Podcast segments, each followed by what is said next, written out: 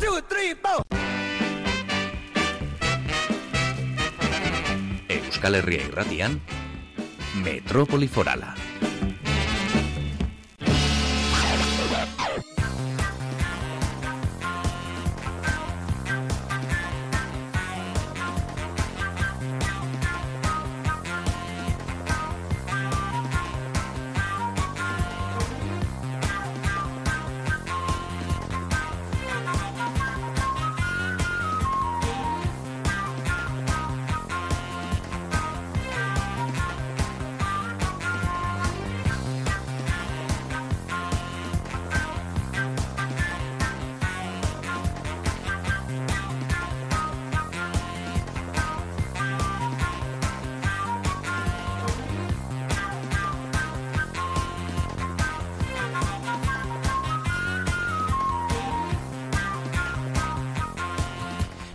Egun honen zule goizeko bederatziak eta hiru minutu dira Euskal Herria irratiren sintonian segitzen jarraitzen duzu.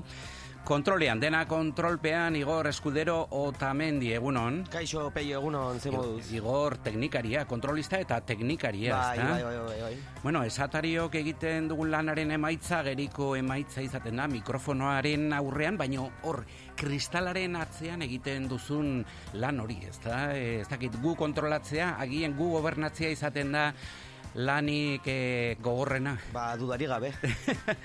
dudari gabe. Hori ez dugu ikasten e, soinu teknikari ikasten dugunean, soinu, teria, iz- eh, soinu teknikari ikasteko eh, ikasten dugunean, baina bai, gero hartzen zara, ba, bai, ez hori dela De- gobernatu de- beharra. Dena den begirada batekin zuk badakizu, itolarrian bagabiltzan edo ez. Hombre, edo- firme, ez du firme jartzen zaitut, peio, begirada batekin. Eta besteak, baita ere. Baita ere, baita ere.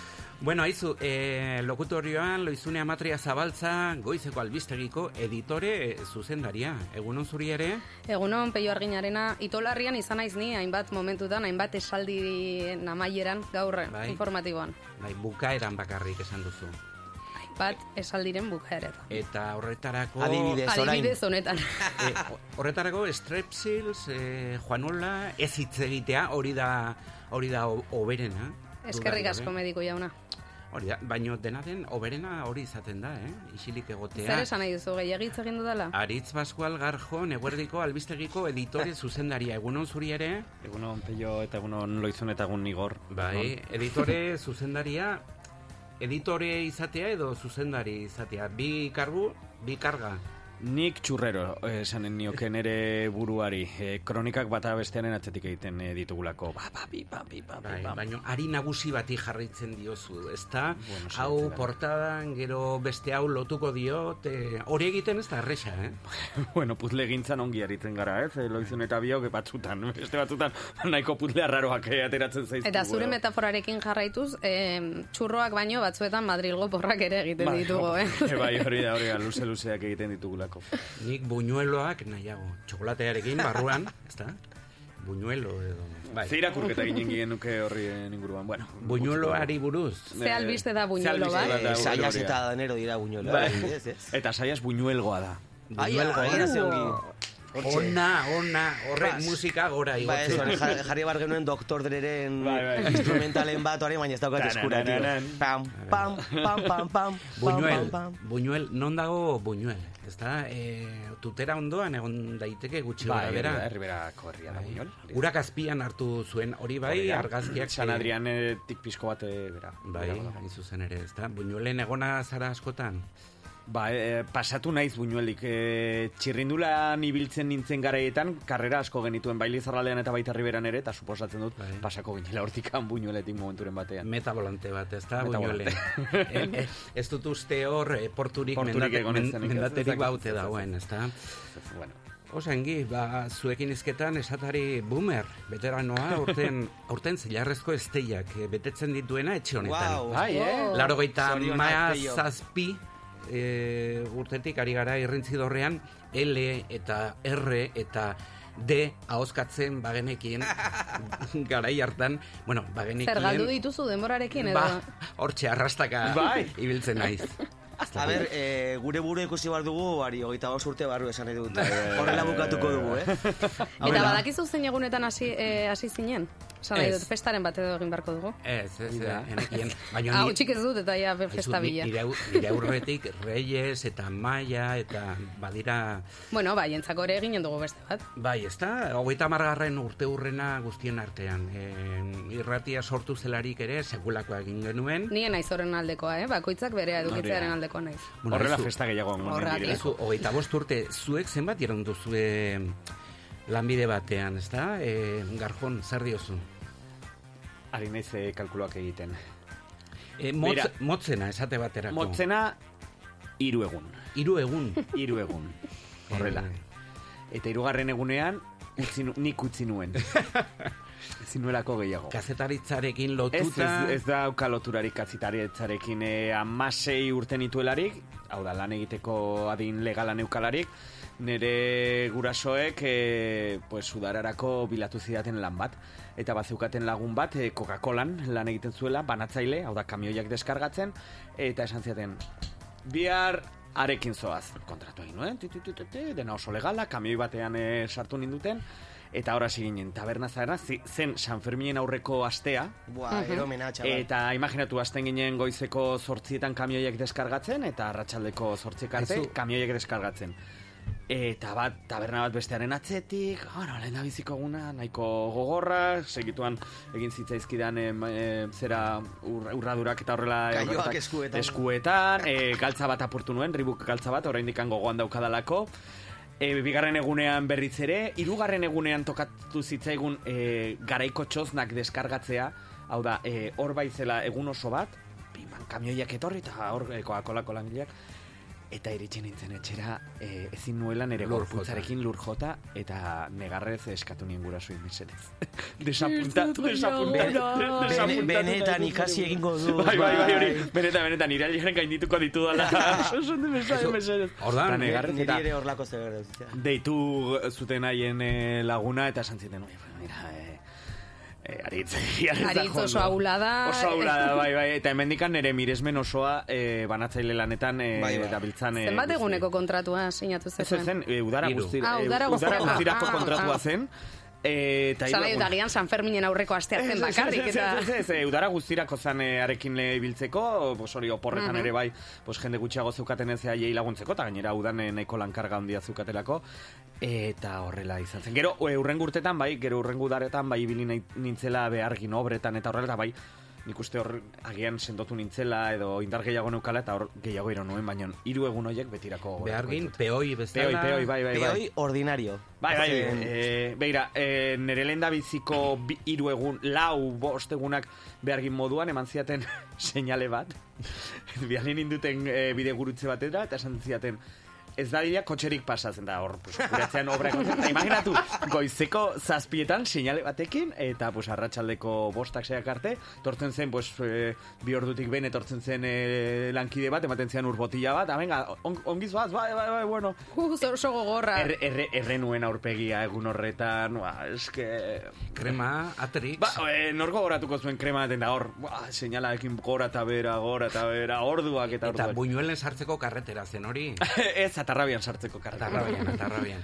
Hori izan zen, e, well, hori Coca-Colakoa izan zen, nire lanbiderik e, laburrena. Aizu, i- kamioi txiki batekin ibiliko Bai. zinen, orain ulertzen dut, amaia kaletik ona etorri ginenean berriz ere mudantza eginda, e, furgoneta batean etorri ginen, eta e, nola, maixutasunez, nola ateratzen zenuen ukalondoa. Eta nola oiukatzen nuen, eh? Bai, eh? Lehiatilatik. falta zitzaizun txotxa, eh?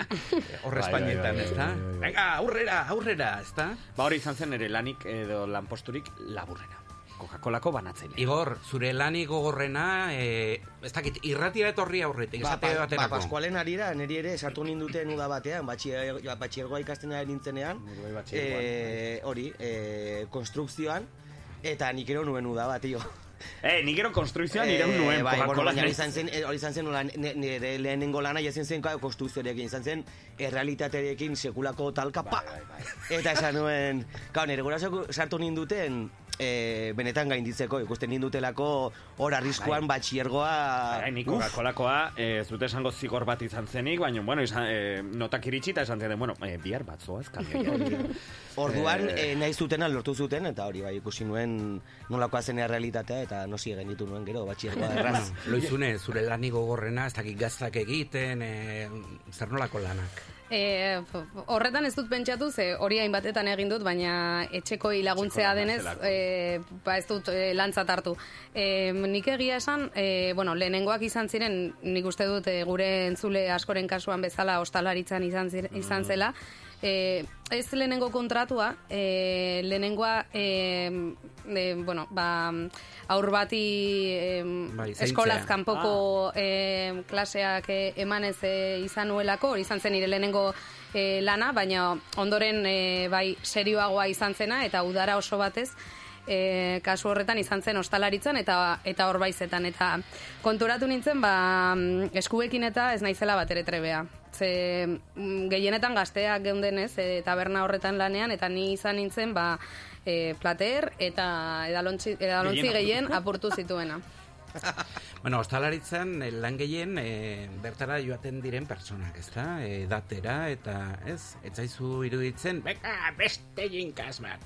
E, nire kasuan ni jantoki barruan izaten nintzen e, zerbitzatzen hau da plateerak Bai, eta bazkariak. bai eta bueno ba taberna horretan gaur egun itxita dago baina bazkari mo, otordu asko ematen Itxi ziren. izan zuten eh, platerrak horretzeko, ezta? bai, Eh, bai. ez dituzten gehiago eta ez ez. E, baina bueno, otordu asko ematen ziren eta eta niretzako eromena zen e, kontrolatzea mai guztiak ze jantoki handia zen eta nik ez dakit nola egiten genuen bukatzerakoan esaten baino zenbat zenbat Platera atera ditugu, bai ez da? platera atera ditugu eta bueno E, bai, ikaragarria izan zen, baino e, uda batez, izan nintzen hor lanean, eta gerora ja hasi nintzen kazetaritzan, eta hor kateatu ditut, eta bestearen atzean. Barkatu, itxaron Bai. zuek. Eta zupeio ipuin kontalari izan aurretik, eh, non ibilizara? E, bai. Holako lan bereziak Ni, ba, ni beti, ni beti kazetaritzan. E, urte batez ibili nintzen Euskara klaseak ematen zubiarte Euskaltegian. Eta bertan oso, oso gustora. E, B2 mailan ematen dituen klaseak, bertara iritsi, eta B2 maila horretan sei jubilatu zeuden, eta beraiek esan zieten, haizu, e, hiru urte daramatzagu hemen, eta lasai. Ez- Guk badaki- maila gainditu, ne? guk- guk badakigu eta gainera, bueno, gosariak egiteko eta ona etortzen gara eta mendik bi urtera ere bebi mailan egongo gara. Beraz, e, zuk e, Niri peio, buruko min- e, e, oraindik gogoan dauka zure osaba batek betelun esaten zidana behin zela Inora itzaiz, irratian, oi, oi estek lana, oi, oi zerdek, Bai. oi estek lana, oi... Txorra, txorradak esaten hoi ba. ordu bat eta Nire- or, ordu batekin. Nire Bai, aitonak esaten zian, eh, ere bai irratian lan egiten nuenez, hau ez zela lana, ni alkaguete bat nintzela, hau da, batek esaten zuena, jende guztiari nik kontatzen niola, hau da, eta hori, hori, hori alkaguete izatea da. Besten gauzak zu kontatzen dituzu, hori zer da. Horrein jubilatuak aipatu dituzula, nire bai, eskimonetore ibili naiz eh, urte askotan, normalean jende gazte heldu baino behin tokatu zitzaidan eta hemendikan e, besarkada bat algortako e, jubilatuen etxeak ba, antolatu zuen olako irtenaldi bat eh, lurretara eta monitore bat kontratatu zuten oso egun gogorra izan zen, eta beti gogoratuko dute egun Bai. hori. Bai, haiekin eskiatzen edo eskiatzen e, irakasten saiatzen, ez dakizu zenbat pisu hartu nuen e, lurretik. Altxatu, Lurretik altxatu behar izan nuen, e, beti baukagu agindu bat e, monitoreok ezin ditugu gure ikasleak ukitu, baina egun horretan ala beharrez e, altxatu behar, behar nituen e, lurretik hainbat eta hainbat. Eta gainera Euskaldunak ez da, e, utzi, utzi, Bai, nik- bai, bai, nik gainera hori, dut." gainera hori, nik, nik, aldut, aldut, lasai, gazte, lasai, eta gehiago, eta gehiago ondoratzen ziren lelurreta, eta ez ez, atera gaitezen hemen. nik, Ustazu, ustazu. Bai, egun Nik, bereziak. po- bai, nik bai. posible dot. Eh? Bueno, gure entzulei galdetuko Ah, hori da, bai. Ea ze lanpostu izan ote duten, ze iraupenekoak. 608, bederatzi bat, zortzi bederatzi, bederatzi sei. Mesedez kontatu. Entzule batek bidali digu mezu bat, baina ezabatu du. Ez dakit, eh, Bai, ez den bueno, ausartu, ez da ausartu. de Ez abalaria, kontatzera. ez abalaria, ez? Hori Bai. bere, bere lana. Ai, Entzule ausartu, mesedez, eta kontatu zuen... Bueno, bestelako lanak, eh, horretarazten saiatzen ari naiz, baino ez daukat gogoan. E, nik ere Euskara klaseak ematen nituen oso gaztea nintzenean, gazteizen karrera egiten, e, bueno, Galiziako familia bateko bi, bi aurrei ematen nien, eta, bueno, horrelako... E, beio, e, Euskal Herri erratiko esatarien artean, e, esatari mitikoen artean, zenbat pasatu zarete Euskara klasea ematetik, ez? Esan dut, Bai, Euskal bai, bai. Eta hola, hori... Bai, bai, bai. Eta beste Bueno, klasiko aekan, bat. aekan ere eta- klaseak eman nituen, Bai, bai. eme zortzi urte nituenean. Jo, eh? Bai, bai. Hor ere, bueno, bertara bizitzera joaten ziren pertsonak ere baz, baziren, ez da? Historia asko, tio, hor. Ostiralean afaria, ez? Ostiralean afaria. Eta beste bat oso klasikoa dena, eta imaginatzen dut peio zu ere egin izan duzula lan, e, begira, begira legisa, ez? Eta, Bai, bai, bai, monitore. Hori da. Bai, bai. E, niri dindaian egokitu zitzaidan, eta niretzako oso gogorra izan zen. Zergatik, E, aurrak nituerako nire zaintzapean. bai. Horregatik bakarrik. Zuzenean, Bai, ja. bai. Ni egon nintzen ikastolen federazioarekin gainera monitoreen buru. eta durangon. Durangon, eta okerrenak ziren aurrak. Okerrenak ziren monitoreak. Em, Ze, afari gehiagi ere, bai, kasu Bueno, horretan. afariak eta gero kotxea hartu eta durangora eta ba, etorriko gara ordu baterako, ba, ordu txikietan gu formal-formal lo egitera eta gelditzen ziren monitore bakarrak e, ni eta beste bat, ia beti, ezta? Hortxe, e, suaren ondoan eta aurrak e, noiz hartuko lo eta deitzen zuela ama batek eta beste aita bat ere etortzen zela, ez ote dago gaixo nire aurra, Ai, Ba, imaginatu hori guztia, baina italian. Aitari- Niri tokatu zite, ba, ni askota, e, bueno, ez begirale moduan, entrenadore moduan, gazteak eraman ditute kompetizioetara eta horrela, Eta, bos, gaztea, gaztea dira, beti bezala, eta hemen edoan egin ditzazkete nahi dituztenak, eta orduan, pos, italian geunden e, kompetizio batzuetarako, aste batez eskiatzenan, eta bapatean dei bat e, jaso nuen, e, gu alokatuta ginen herriko komisaldegitik, ba, supermerkatuan e, nire gaztetxoek e, egin zituztelako batzuk. Eta jo behar izan nintzen hor nire italiano txapurreroarekin, oh, no, no, Horrena, horrena ari da... Espagueti, per favor. horren harira, o- Keinu asko egiten eskuekin, eta horrela, baina, bueno, ba. Oroitzen ari naiz, e, ikasbidaietara dijoa Buah, zen txar. monitoreekin, buah, hie bai daukatela irabazita Bai, zerua. bai, Zerua, bai. bai, bai, joan meritua. nintzen ikasbidaira? Joseba Sironekin. Ah, bai? Bai, Bai. nire irakasle izan zelako. Bueno, ia urte oro joaten dira, Erromara eta Gurekin Barcelona. Fiorentzera eta Barcelonara. Barcelona. Barcelonara kolakauren fabrika. Ah, bai? Bueno, hor katedrala eta segulakoa daukate. Kolakauren fabrika. Inoiz amaituko ez duten Ez duzu gehiago katedrala, gora? Zu, bulego txiki batean, ofizina batean ere, aritu zinen lanean, Igor. Jode, karo, tio, ni beste hainbat lanetan eraritu naiz. Bai, telefonoa hartzen eta jendea... Beste ikasketa batzuk ere baditut, ez ditut Bai. erabiltzen ezertarako, orain. Bai. Bai, na- na- nahiago dut hemen geratu, e, soinu gintzan eta erratek itzan, baina bai, bai, baditut, baditut. Bueno, gaurkoa... Enpresa munduan, bai. Bai, bai, bai, hori bai dela gogorra, norbait, ezta? Ba, Mezuak bidaltzen. Bai, Bueno, gero, gero hasiko Bai. dira. Bueno, eh, aktualitatea Venga. eta gaur albiste agenda nondi nora Pascual. Bada gaur, e, albiste kontakizunean aipatu dugun moduan, e, garraielarien grebak aurrera jarraituko du, gaur esate baterako e, tradisnak, e, patronanak e, protesta deitu du, kamioien protesta deitu du, kamioien protesta mantxoa deitu du, eta iruñera etorriko dira. Gaur gainera erdigune hartuko dute. Erdigune hartuko dute, hori da haien asmoa, hori izanen da albiste nagusienetariko bat, gaur baita ere lanbide formakuntzaren, lanbide ziketaren eskaintza, datorren urterako eskaintza aurkeztuko du Nafarroako gobernuak, eta baita ere Nafarroako trenaren aldeko plataformak, hain zuzen e, Nafarroako tren sareari buruzko txostena azalduko digu. Hoiek izanen dira, gure gaurko albiste nagusiak gehiago izanen ditugu, ordu bat aterdietan azalduko ditugu. Oso ongi eta gaurko prensaren errepasoa egiteragoaz gora bertxeana. Optika iruñaren eskutik, prentsa irakurketa. Zatoz gure optika eta entzumen zentrora. Aiozko monasterioa lau eta optikaliruña.com. Aritz, nahi duzunean aurrera. Sindikatuek ezkuntza itunaren arira deitutako greba bertan bera utzi dute, dio berri egunkariak gaurko hautatutako lerroburu nagusiak. Eusko Legebiltzarreko alderdi nagusien akordioaren ondoren hilaren hogeita bosteko deialdia bertan bera utzi dutela gaineratzen du. Sahararekiko Espainiaren jarrera aldaketa albiste garan eta diario de notizia zen. Europar batasunak pesoeren norabide aldaketa txalotu du, baina kesak eragin dizkio. Madrilen dio garak, gobernuari azalpenak eskatu dizkio zuzen gobernukide den Podemosek. PSNek apurtu egin du herri Saharagoiarekiko Nafarroak duen batasun historikoa, dio Diario Notiziasek, parlamentuan Sahararen aldeko bi adierazpenei ezetz esan zieten atzo sozialistek. Garraiolarien erregaien dako, bosteun milioi euro emanen ditu gobernuak dio Diario Navarra kamioilari ekordea grebari eusten diotela gaineratzen du. Hain zuzen kamioilara luzea ikus dezakegu Diario Notiziasen, argazki nagusi moduan atzo, iruña inguruan mantxo ibili ziren protesta moduan eta gaur ere esan bezala horrela eginen dute. Beste greba baten irudia, garaipenaren irudia. Berrian, berreunta lauregoita iru egunez greban izan eta gero, Guggenheim Museoko garbitzaileek soldata igoera lortu dute. Borrokaren lorpena ospatzen emakumeak ikus ditzazkegu. Ukrainako gerra diario nabarran, Mariupol iritik ies kotxe hilara gaurko azalean. Azkenik, garan, Iban Kolona, preso korsikarraren aldeko pankartaren lehen plano bat jarri dute irudian, erasotua izan eta hiru astetara zendu da preso korsikarra. Oso ongi, bederatziak eta hogeita iru minutu dira, eta goizeko lehenengo deia egitera goaz, e, Reas Nafarroako kide, Ariaz Bestaldean daukagu, egunon?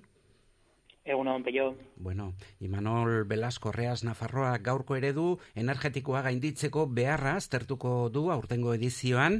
Egungo eredu energetikoa gizartean eragiten duen eraginean eta Nafarroan dagoeneko existitzen diren alternatibak e, horiesek aztertuko dituzue, e, lehenik eta behin sarrerakoan esan duguna, ezta? Gaurko energia ereduan Nafarroan zein da?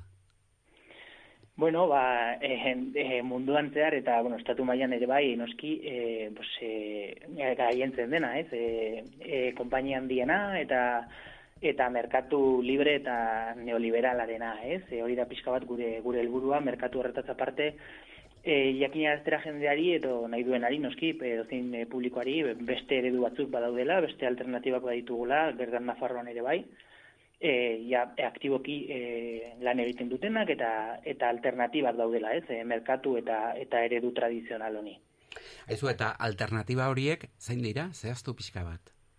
Beno, ba, adibidez, e, e, atzo, bueno, e, atzo hasi genituen gure jardunaldiak, ez? Gure magosgarren e, jardunaldiak eta e, hiru egunetan zehar e, atzalduko ditugu behintzat eta e, lau, irugarren egunean, apiriak lauean, e, bueno, e, mango diegu hotxa e, hauen e, alternatiba hauei, ez? Adibidez, e, komunitate energetikoei e, buruzari nahi dizketan, ez? Adibidez, dakite, espartzako energia erkidegoari, garez energia edo garez bideri, som energiari, goiener, eta ere bai e, isabako e, ezkaibaia energiari, ez? Hau de, udaleko energia plataforma da, ez? E, bueno, hauek, e, plataforma edo komunitate hauek e, merkatua dagoen bezala ikusita, bere zaitasunak ere e, izaten ari dituzte, eta bueno, horrela e, tratatuko dugu eta horretaz tirengo dugu apiriaren lauan, baino e, haiek dira edu e, argiena, ez? E, Behintzat Nafarroan milioi erdi biztaldeekin, ba, gutxienez horrelako bost pasei ditugu, e, segurazki asko,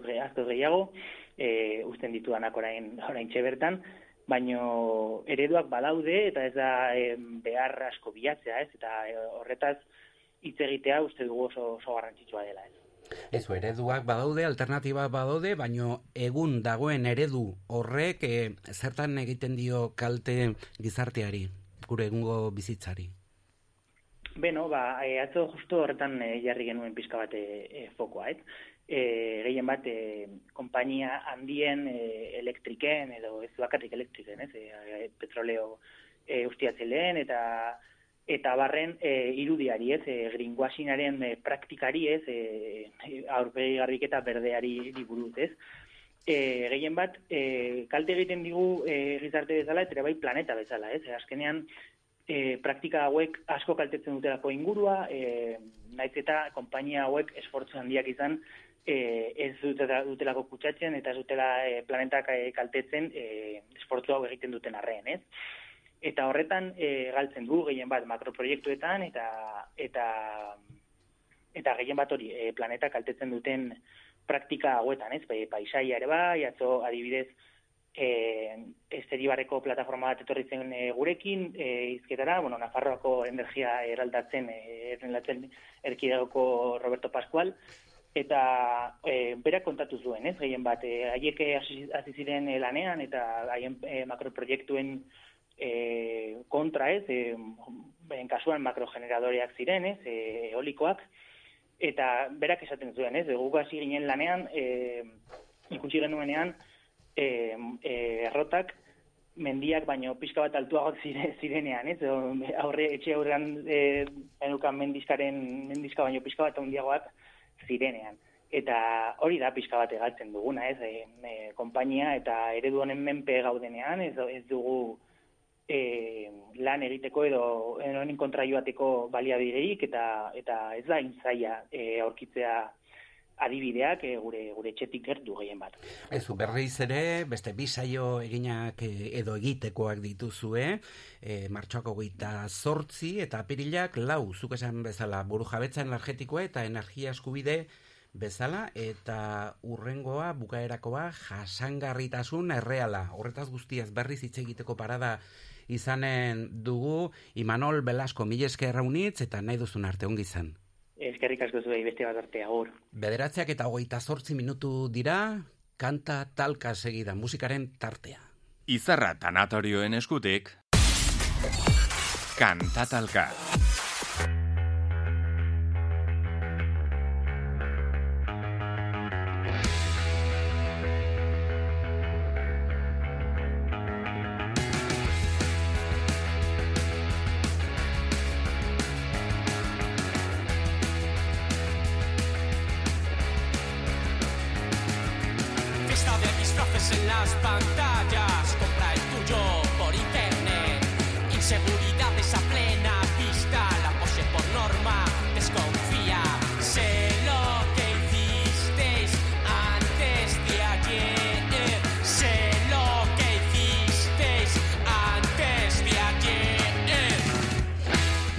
Taldeen izen bitxiak horitz, horixe gure gaurko aste honetako eh, ari berezia, ez da? Bai. Eh, talde berezia zuk ekarri duzuna izena lehenik eta behin zein da. Carolina Durante taldea da.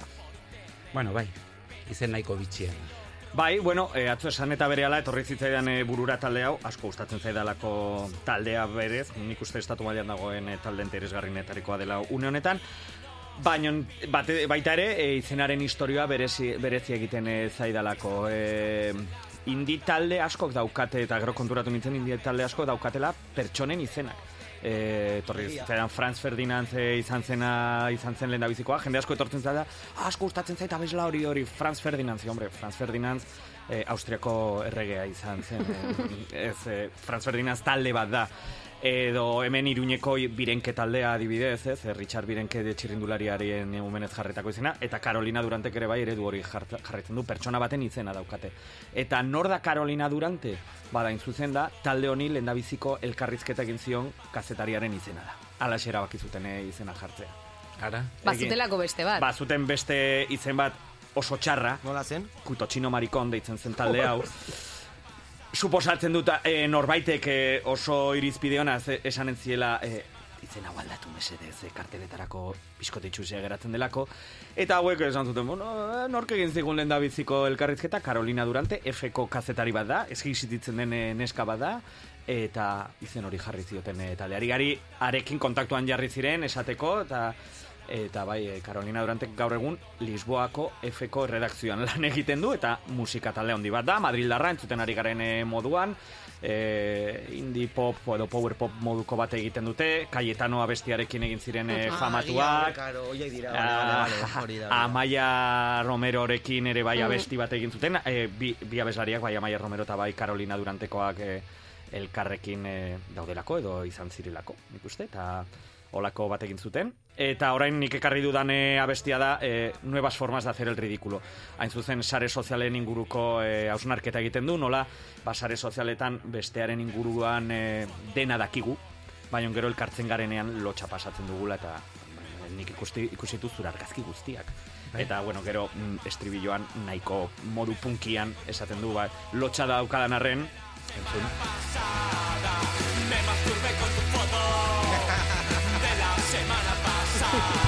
E, bai, orain e, lotxa ematen dit zurekin hitz egitea, baina zure pasaren asteko argazkiarekin kanpaia jo nuen. E, sare sozialak eta gauza pues hori Carolina Durante nire gaurko gomendioa nintzen, eh? E, e, izenak bilatzen olame bitxiak eta hain zuzen Carolina Duranterekin bira eta zenbait abesti elkarrekin egiten egin dituen beste talde indi bat argentinoa topatu nuen eta izki izena ere bai oso ona da. El mató a un policía motorizado. Hori, hori da izena, taldearen izena. Eta hori ere bai e, ekartzeko asmoaneukan, baina Carolina Durante ere bai ekarri nahi nuen asko gustatzen zaidan taldea delako. Bueno, beste bate bat ere, e, bururatuko zitzaizun, ez da? Baina, bueno. Nik, em, Eh? zu, zu gloi badakizu zer ekarri? Ez, Bai, nik, nik eskatuko nieke entzulei, ea ze... Laguntza, ez? Bai, ea ze izen bitxi dut Eh, dituzten taldeak dituzten. atzo- eh, aritz, eh, barkatu, igorrek beti erabiltzen du... Eh, komodina, bai, bai, gure entzulen komodina. Ez dakienean zer ekarri? Eh, bai, hori da. A ber, baina nek, gainera nahi dut ere beraiek ere parte hartzea entzuleek, bai? Badut zuretzako proposamen bat. A ber, E, aritzek lotu du e, pertsonen izenekin, ez? Bai. Lotu ditu e, taldeen izenak. Bai. Zu lotu e, alkondun edariekin da. eta ekarri dezakezu burbonkins. beti, beti ateratzen zait talde bera, tio. Zakit, Ai, zergatik zer be- kasualitatea. Ez que... Ez dakit, gehiago nahi du. Gainera, e, euskarazko talde, euskarazko, euskaraz abesten duten taldeak. Gaur esan dut bat nik. Euskarazko abestiren bat Direnkeka adibidez, euskaraz abestiren bat badauka euskaraz. Ez dakit entzule jakingo duten baten bat. Bango diogu aukera? Bai. Venga, entzuleok lagundu, mesedez. Cicatriz en la matriz. Euskaraz abesten duten taldeak. Tio. Baina, bueno, izen 6 0 berezia. zortzi, bederatzi bat, zortzi bederatzi, bederatzi sei. Nik baditut pare bat, eh, ere bai hemen buruan, baina nahi dut entzulek laguntza pixka bat. Beraz, eh, bihar, ez da? Zure, zure txanda, loi. Bai, Igo, Igor. Me masturbé con tu foto de la semana pasada. Me masturbé con tu foto de la semana pasada.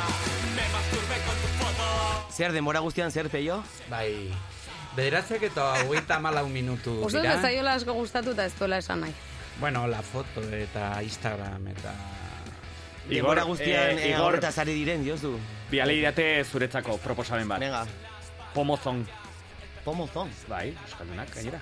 Ai, hain nituen ezagutzen. Gero begiratuko du. Bai, bai, bai. Pomozon. Pomozon. Pomozon. Bestelako kontuak segidan. Politika solastuko gara kazetariakin. Horrein esan diate zer esan nahi duen pomozon. Gero esango izuz.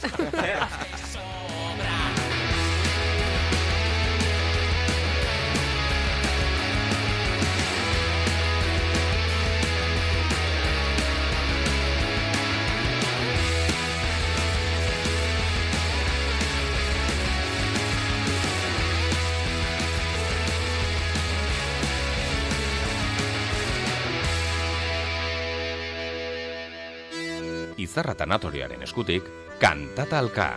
Iruñeko erdigunean gaude, baita txantrean, sakanan, baztanen, malerrekan, bortzirietan eta lizarran ere. Izarra tanatorioak, hemen, zure ondoan.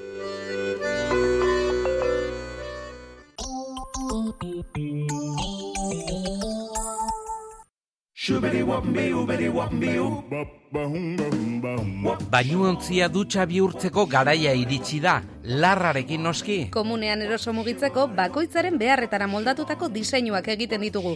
Komun osoa zahar berritu edo bainuontzia dutxa bihurtzeko, kozinaslarra, mutiloako industrialdean eta kozinaslarra.comen aurkituko gaituzu. Badakizu kozinas larrarekin zure ametsetako komuna. Kalitatearengatik, aholkularitza onenarengatik eta iruñeko erdigunean erosketak egitea gustuko dudalako, nire kirolerako jantzi eta materialak basatiak dira. Basati kirolak! Errekoletak zortzi, baratxurien plaza, iruña. Irurteren ondoren bueltan da Doktor Deseo maketoen iraultzarekin. Martxoaren hogeita zeian tote maretoan izango da Francis bere taldearekin. Ez galdu aukera, sarrerak salgai, salatoten.comen. Iluntzero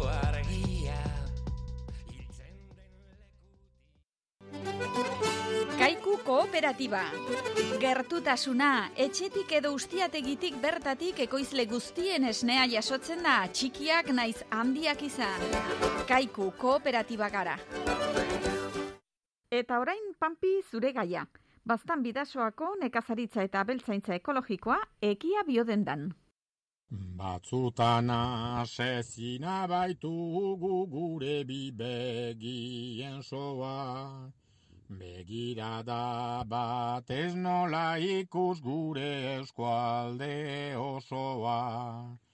Zurea egin nahi baduzu daukagun paradisoa. Sabelean goza dezakezu gure bastan bidasoa.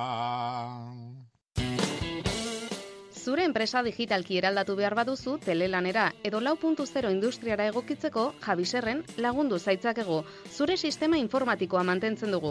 Neurrira egindako aplikazioak eta web horriak garatzen ditugu. Lantaldeak prestatzen ditugu ikate tresnak eta aplikazioak erabiltzeko. Jabiser, bederatzi lau zortzi, zortzi bost zero, bat lau bost. Zehaztu dezagun nola lagundu zaitzakegun. Una gris. Atarrabian Manauto. Mekanika eta elektrizitatea, mantentzelan orokorra. Manauto. Errondoa bi, atarrabia. Bederatzi lau zortzi, iru iru, zero iru, zero iru.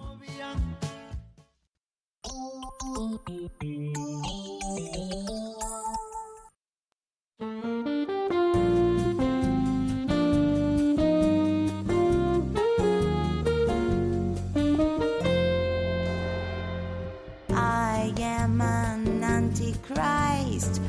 Metrópoli foralean, kazetarien solasaldia.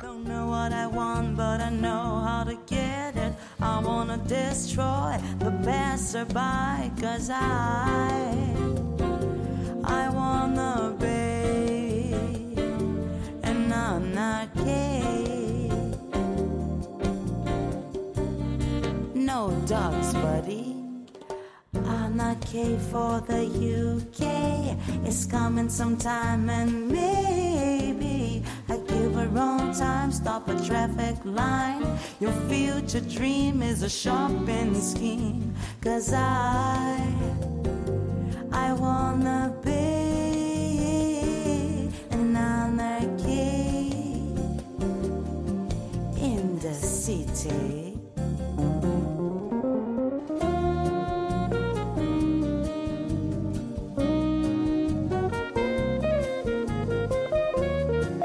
Aktualitate politikoaz, e, solastuko gara segidan, kazetarien solasaldia zabalduko dugu jarraian, eta bi lagun ditugu gure artean, Diario de Notiziaseko Ibai Fernandez, egunon? Egunon. Eta berriako Joserra Senar, egunon zuri ere? Egunon bai. Bueno, luz eta zabal oraindik ere soka luzea mekarriko duen gaia, ezta? Eskuina Nafarroan UPNren krisia eta saiasek eta danerok sortu duten plataforma hori, Vox eh, sortuko ote den Nafarroan, eh, aurkeztuko ote den PP bir sortzen eh, beste beste behin, eh, ez dakit, Ibai, Navarra suma gaur egun ezagutzen dugun bezala, eh, agortuta dago?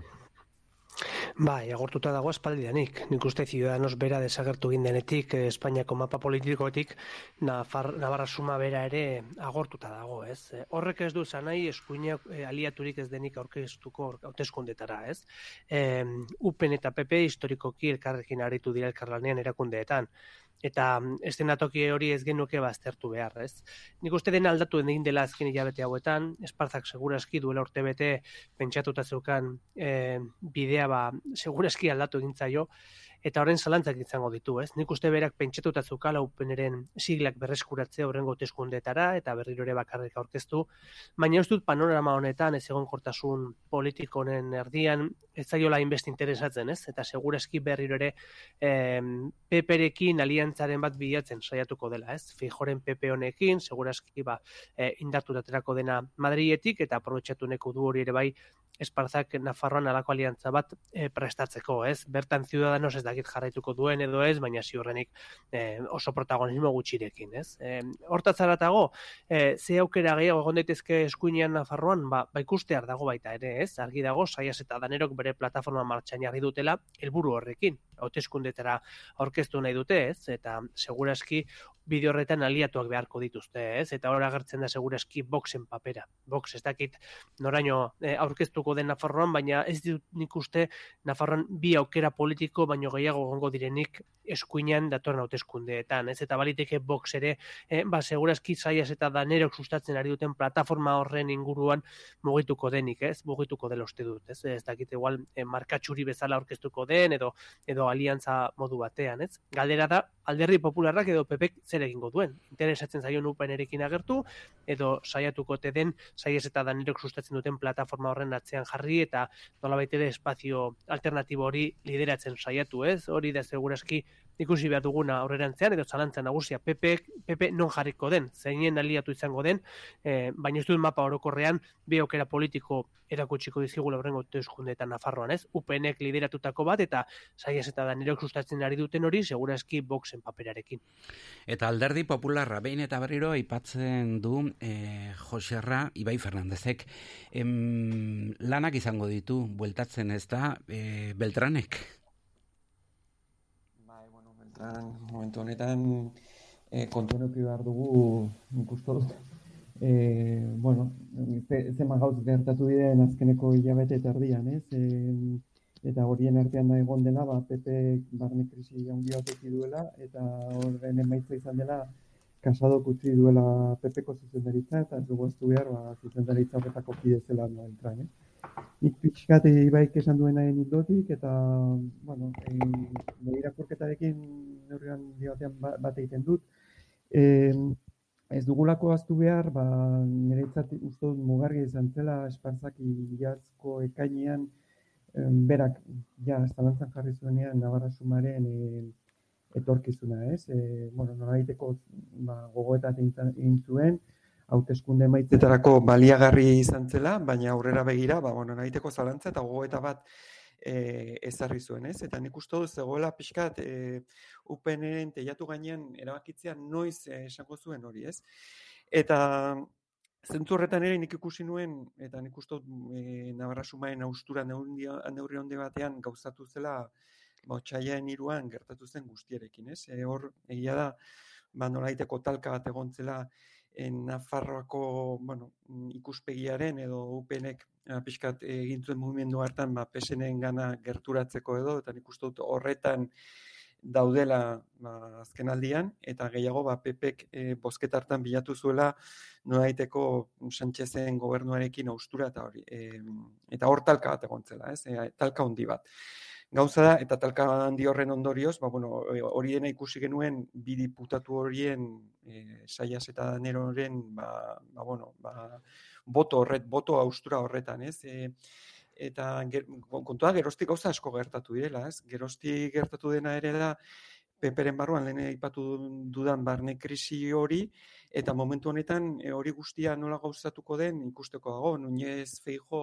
e, lurrar, bueno, ja lurrar, berez, ja esan dezakogu lema alderdiaren lema duela, baina bueno, oraindik ere gauzatu behar da e, bozke, hori denak tramite badu eta ofizialki lurrartu datozen astetan ingo du eta ziren eski lehentasun pila ditu eta horien artean azkenetarikoa Nafarroango da, baina ikusteko da gore Nafarroan norantz jotzen duen, ez? Eta saias eta denuen plataformari dagokionez, ba nik ikusten dudana da Ba, bueno, beraiek ere neurtu, nik ez dut, ba, ibaik esan duena, ez du zentzurik e, e, Nafarroako politikan deno dakigulako, ere bakoitzean zatit, era, alderdi asko orkestea, bazkenean ere horren kontra di joa, ez hori denok dakigu, orduan nola gauzatuko den, mm, ze UPNek nik uste bere aldeti bai joango dira, eta beste, beste guztiak nola e, bateratuko ote diren, edo, edo bakoitza bere aldetik, edo hori guztia ikusteko dagoela, ez? Eta peperen kasuan, ba hori esan dudan, Nuñez Feijo lurrartzear dago eta ikusi ikusiko dugu ere berak nola ikusten dituen, nola ikusten duen hori, ez? Agortuta, Navarra Suma, eh, Ibai Fernandez, eh, agortuta ere Javier Esparza, zure ustez? bueno, Javier Esparzak paper berezia, ez? E, e, izan du Nafarroaren eskuinan. E, upeneren burura aldu zenia errebote moduan, Martina bera azken momentuan etzela orkestuko, ez? Esan zuenean 2008an. Geroztik, e, nolabait ere buru, bere burua posizioan aurkitu du, e, bere profi, profila igual, e, gobernu kide bat izateko profila zeukan, nahiko moderatua hasieran eta e, e, herriei lotutako alkateoi bat zela erakutsiz. Baina nolabait ere bere burua aurkitu du oposizioan eskuinaren e, radikalizazio prozesu honen e, prozesu batean, ez? Ikusi duenean eta bere ere bere burua radikalizazio horren baitan bilakatu izan du. Uste dut hori bere kontra joka du, jo duela, ez? Eberak ez zuen e, paper hori betetzeko profila ematen, baina bete behar izan du. Horrek uste dut er egin duela bera hautagi moduan modu batean ere bai, ez? E, argi dago momentu honetan upeneren baitan ez dagoela alternatiba garberik, ez dago mugimendurik, ez dago e, alternatibarik alternatiba planteatzerik, ez? Ikusi dugu orain saias eta danerok egin dute mugimendu horretan. Inork ez du ahotsa ireki, denak isilik gelditu dira e, zuzendaritzaren atzean, e, beste biak kanporatzen zituzten bitartean, ez? Horrek gure erakusten digu upenen barruan nahiko pasibidade handia dagoela edo e, nolabait ere, bueno, ba, ba nahiko lasaitasunez edo edo etorkizun handirik gabe ikusten dutela urrengo ziklo elektorala, ez? Uste dut modu horretan esparzak ez du dituela barne mugimenduak jasoko hauteskundeak ematen ez diren bitartean. Baina horriek sustatuko dira eta modu argi batean urrengo hauteskundeen ostean UPN berrirore gobernutik kanpo gelditzen baldin bada. Asko falta da oraindik, urte oso bat asko da eta gauzak asko aldatu daitezke, egora ekonomikoa nahiko larri da gora Mm. momentu honetan eta e, segurazki ikuspegi politiko ikaragarri aldatu daiteke urrengo hilabeteetan. Baina momentu honetan ikuste argi dago argi dago UPNek ez dituela gobernuan, ez duela gobernura voltatzeko kera hundirik eta gobernua doden sostengatzen duten alderdiek gobernua mantentzeko kera izango dutela, eh, bueno, ba, ematen den, ba, mugimendu elektoraleta zaratago, ez? Eta horri horrela gertatzen baldin bada, ez bada eh, sakoneko mugimendu bat ematen Nafarroan urrengo hilabeteetan, eta ez bada eh, bulko elektoral bat ematen hauteskundeetan eta esparza berriro gobernura eh, voltatzen baldin bada, ez, badi- ez baldin bada, ba uste dut peneren barnean benetan osnarketa sakona ireki beharko dutela, ez? Eta eta erabaki beharko dutela benetan ze paper jokatu nahi duen UPNek etorkizunean, Nafarroa azken finean ba, aldatu egin delako, eh, 2015etik asko aldatu egin da, errealitate politiko ikaragarri aldatu da, beste gehiengo batzu sorzu estatu egin dira eta plan horretan UPNek ere ezin ditu mantendu eh, azken berrogoi urte hauetan izan dituen dogmak eta estrategia elektoralak, ez? Horiek berrikusi beharko ditu eta panorama horretan espartzan ikuste eh, ba ez duela tokirik, ez? Baina hori ez da gertatuko hauteskundeak ematen ez diren bitartean, ez? Ordura arte uste dut UPNren baitan lerroak itxi ingo dituztela espartzaren atzetikan eta e, hauteskundetara, bueno, alik eta emaitza berera lortzen saiatuko direla, ez? Eztabaida hori irekiko da hauteskundeen urrengo egunean UPN berriore gobernutik kanpo gelditzen baldin bada. Aizu, eh, Joserra, eh, ensalada honetan, Nafarroko eskuineko, eskuinaren ensalada honetan, PP, Vox, eh, alternatiba berri hori, adanero eta saiasena, eh, bueno, ezkerrena, ezkerragoan dagoena UPN izan daiteke, ez da? Ez dakit horrek, eh, bueno, eh, ematen alduen aukera eh, PSN-erekin eh, bat egiteko, ez da? Eh, hogeita zeitik gora eh, lortzen badute bi alderdiek? Eh, ari zara uste dut hauteskunde osteko eh, eszenario batez eta ordura, ordura arte gauza asko gertatu daitezke. Nik uste dut momentu honetan eh, eh, ezer aurreratzea oso ausarta izatera dela. Egia da, ba, UPNek bai, bueno, nolabait bilatu duela eh, azkeneko asteetan, ba, saiatzea eh, gobernuko edo gobernu arteko bazkideen nolabaiteko ba, igadura bat edo pitzadurak eragiten, ez? Eta pixkat PSren ganako gertura, gerturatze bat egiten. Baina hortik nik ez dut ikusten hauteskundeak egin bitarte nolabaiteko eh, ez dakit, eh, UPNren eta PSN arteko, eh, PSN arteko aliantza estrategiko bat. Egia da, joko horretan PSN ere interesatzen zaiola, nolabaiteko ere, gerturatze hori ere, ba, apur bat ere bilatu duela, nolabaiteko zentroaren irudia egiteko, baina hortik esatera, ba, bien arteko nolabaiteko aliantza egongo dela, ba, asko dela esatea, eta, eta hori, nik uste dut urte bete hau, ezin egon jokaleko erabat aldatu da, e, duela lau urte lasai asko itzen genezeken urrengo urtean zer gertatu zitekeen, baina momentu honetan, datorren urtean edo datozen hilabetetan e, gauzak e, nola aldatu daitezken ikus nien naiz ausartzen esatera, ze egia da bai baik esan duena. E, gerraen testu inguru honek eta ba, etor daiteken krisi ekonomikoak edo ja badatorren krisi ekonomikoak ba, guztia hankaz gora utz dezake eta momentu honetan ikustu dut ba, gauza asko gertatu daitezke orduan tentuz ibili bergara ba aurreko espenak egiterakoan. Bestelako gaiak ere aipatu nahiko nituzke zuekin, e, Sahara aldera joko dugu, Espainia Sahararekiko hartutako jarrera gaitzetsi dute talde guztiek e, PSNek salbu Nafarroko parlamentuan. PSNren jarrera, e, Ibai, zer iruditu zaizu? Bueno, eh, espero zitekeen, ez? Goste atzo Ramon Alfarri parlamentuan entzun genuenean eh, ez ginela harritu, eh, bagenekin zer esango zuen, Nafarroko alderdi sozialistak beti babestu duelako, Espainiako alderdi sozialistak markatzen duen hildo politikoa, ez? E, are gehiago hildo politiko hori Espainiako gobernuaren buruzagitzatik egiten baldin bada. Beraz, e, PSN lerrotu egin da PSOErekin hori delako bere e, nortasun e, nagusia, ez? E, sakoneko gaia aztertu beharko genuke orduan, ez?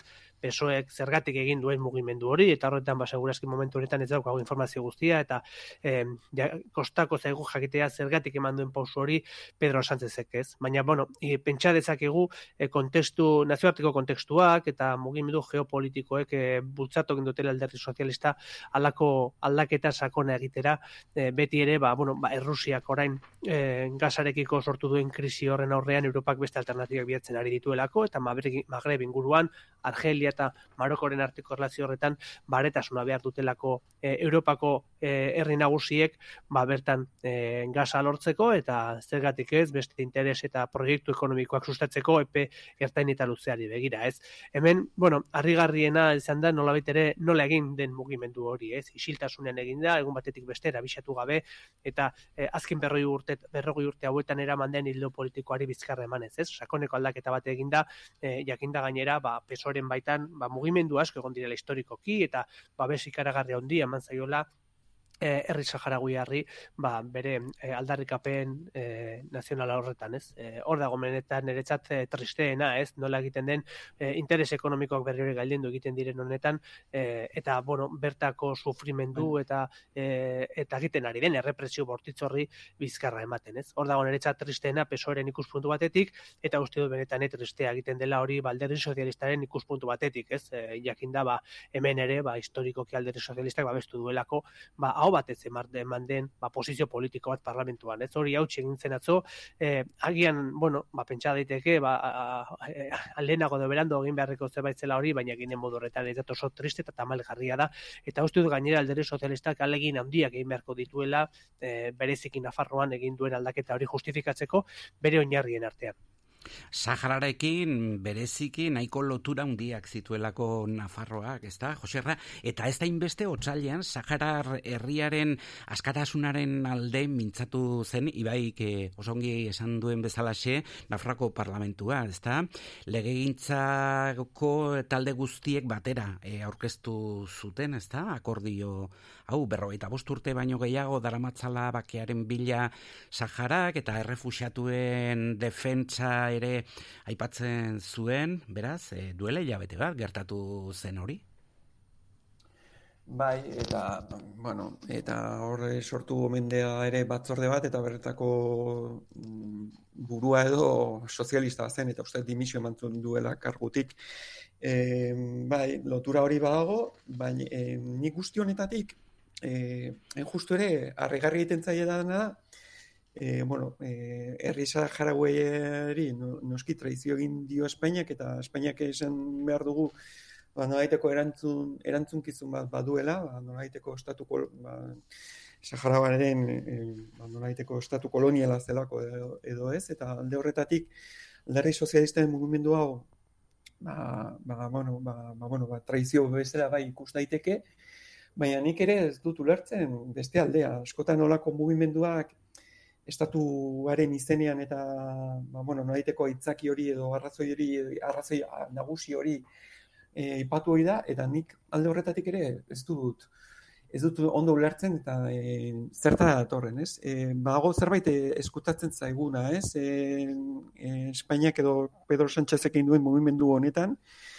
zerbait ez daki nundi datorren, baina testungura ulertu behar dugu e, Maroko eta Algeria, eta bien artean nolaiteko ostura dagoela, baina Algeria dela Espainiaren gas hornitzailea, eta inkluso testuguru honetan, Espainiak ere batzuela horrek ere ematen ziola nolaiteko abantaila bat, Europak beharko duelako gasa, eta e, ba, bueno, e, Algeriaren eta Espainiaren arteko ba, nolaiteko e, gazbide hori eta bat zelako ba, bueno, puntu intezgarri bat, ez? Eta orduan, e, jakinda ere, ba, bueno, Maroko badela ere, ba, herrialde bat, ba, ba, garrantzitsua Espainiarentzat eta hor baitik gainera immigrazioaren gaiarekin ba, hori ere erabili izan duela eta iaziko ese genuen krisi horren testuguruan ba, erabili, erabili zuen Marokok, ez? Baina zerbait galtzen da, ba, zergatik momentu honetan egin duen hori, ez? E, ez dakigu atzean ere, e, ez dugu aztu behar ere, Marokoren eta estatu batuen artean ere bagola nola iteko lautura bat, eta estatu batuak ere presio inote duten, edo zer ikusi duten guzti honetan, ni egia esan despistatua nago, baina estatuaren ikuspegitik ere, harrigarri egiten zait, hau egin izana. Oso ongi, ba, mil esker honiz gurekin izateagatik, gaur ere kazetarien solasaldian, e, diario de notiziaseko Ibai Fernandez eta berriako Joserra Senar, nahi duzuen arte, agur. Gero arte onditzan agur. Agur. Iratzargailua itzali, kafea prestatu, eta Euskal Herria Irratia Iruñerriko Euskaldunon agerkaria. Une oro gaurkotua, Iruñerria, entzun, ikusi, gozatu. Euskal Herria Irratia.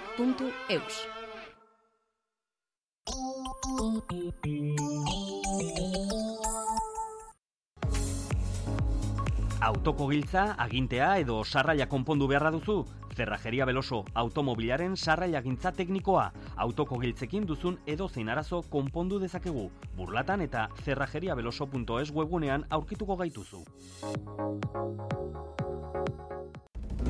Errigora, asmondiak eta oinak lurrean ditugu. Zatoz eta segi dezagun beste konsumo eta ekoizpen eredu bat gauzatzen. Auzolanean eta euskaraz. Nafarroa erdi eta hegoaldeko baratzetako produktuak Euskal Herriko plazetan ditugu berriro. Bete despensa urte osorako oliba olioa, kontserbak lekalea, karroza, pasta. Informazioa eta eskaerak errigora.eus webgunean martxoaren hogeita marrera arte.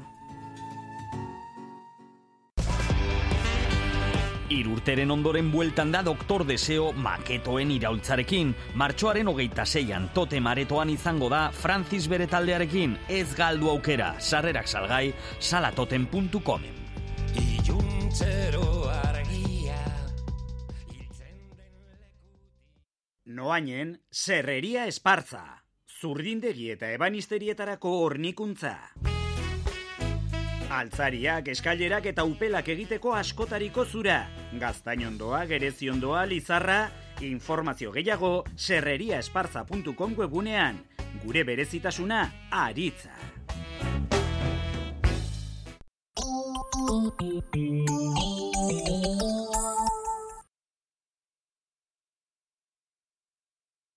Goizeko amarrak dira. Euskadi Irratiko Informazio Zerbitzuak. Albisteak. Egunon guztioi, etxetan hiru sute piztu dira gaur gauean Euskal Herrian, larriena lapurdin, bokale herrikoa izan da. Berrogi urteko emakume bat, larri zaurituta eri etxeratu dute, bordel ospitalean, erredura larrien ospitalean. Moriz Perz karrikan piztu den sutearen gatik, amaika lagun hartatu dituzte denera, esan dugu larrien zauritu den berrogei, berrogei urteko emakumea bordelera eraman dutela, baina beste bos gizon eta aur bat Baionako ospitalean eta Belarra klinikan eri etxeratu dituzte. Lau etxe bizitza erabat kiskalita gelditu dira gauerdian piztu den sute honengatik irurogeita mar suhiltzaile aritu dira lanean sua itzali arte. Donostian berri zegi auzoko jaialaiko etxe batean piztu den e, suteagatik persona bat atxilotu du ertzaintzak egilea bera delakoan etxea okupatuta egono izela jakineraziko du Donostiako udalak eta ustez kalteak materialak baino ez dira izan, hori bai, haundia, sugarrak haundiak izan dira, eta zurezko etxea erabat kiskalita gelditu da. Eta aranu eta goizu eta arteko errepidean dagoen arranbideko bentak ere, su hartu du gauean errepide ondoan dagoen bentako sua itzaltzen Kordobilako suhiltzaileek eta goizuetako suhiltzaile voluntarioak aritu dira. Fernanda, Fernando Goya da horietako bat eta sute honetan ere ez dela inor zauritu esan digu. Ez ez inor, inor ez bertan bizi dena edo kanpontzean, eta deuse behintzat lau paretak mantendu dira, eta bai, Ukrainako gatazka geragin dituen desplazamenduen ondorioz, Bizkaira oraindik ez da bideiderik gabeko adin txikikorik iritsi. Aladirazi du Sergio Murillo Bizkaiko gizartegintza dibutatuan, Euskal Irratian, Faktoria saioan, familiekin etorri diren hogeita hiru aur daude, lurraldean eskolaratuta, eta horien jarraipen egiten ari da erakundea. Hala ere, adingabentzako harrera dispositiboa pres dago, eta dagoeneko irurogeita bi familiek eman dute izana, Ukrainako aurren harrera familie izateko. Murillok dei egin du bide batez, tutoretzapean dauden gainerako aurrak ere hartzeko. Zentroetan euki beharrean, zentroetan itxel eskolan egiten da de profesionalek, baina irutxan datan, eta ez da, etxe bat bezala. Norbere etxea virtualizatea hori litzateke egokiena eta guk amesten dugun e, kontestua ez eta etengabe egiten dugun dei hori da. E, arrera familia bihurtu daitesan familia horrek Ukrainiarrak hartzeko bezala beste bertako, beste ume batzuek ere behar da belako euren etxea izan daitekelako euren historia, euren bizitza historia hobetzeko eta aldatzeko abia puntua. Eta Ukrainan bertako armada buruak ziurtatu Errusiari aurre egiten ari zaiela eta Kiev hiriburutik hirurogei kilometrora dagoen Makarif herritik kanporatu dituztela Errusiako soldaduak. Bien bitartean Errusiako soldaduek erregaia, jatekoa eta munizioa hiru egunetarako bakarrik eh, dutela jakinerazi du Errusiako Defensa Ministerioak Kieven berriz. Etxeratze agindua indarrean dago, baina Mikel Aiestaran Kiev ez bakarrik bomben beldurrez. Etxeratze egidu berezia dela, esan du udaletxeak, eta hemen arrisku handiena da, e, bertako segurtasun indarrek esaten dutenez, e, esaten dute, ba, ba agian Errusiako kolaboratzaileak irira sartzeko e, planak e, omen zituen, horrelako informazioa jaso ondoren erabaki dute ba, ba dena iztea, ez? E, arrisku, arrisku handia dagoela, kolaboratzaileen arriskua gero eta handiagoa dela errepikatzen dute, eta e, hartu duten erabakia izan da, ba, bigarren ez, azken bi aste hauetan, e, ba, ba, iria, ez, hiriburua iztea.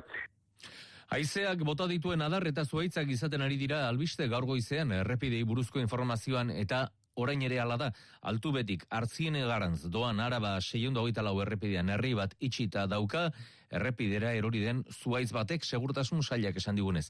Euskalmeten iragarpenaren arabera gaur ere eguekialdeko haizea izango dugu eta entzuten ari zaretenez atzo bezala indartsu gaur ere. Horregatik temperatura benetakoa baino hotzagoa irudituko zaigu Euskal Herri hegoaldean bereziki. Hegoaldean gainera odeiak ugariagoak izango dira eta euri arriskua beraz handiagoa. Temperatura oro har apur bat jaitsiko da. Goizego amaiketan izango da aurrengo albiste mankizuna hemen Euskadi irratian eta interneten albisteak beti eskura E eitb.eu sataria. EITB Zure komunikazio taldea Euskal Herria irratia, FM, larogeita emezortzi puntu iru.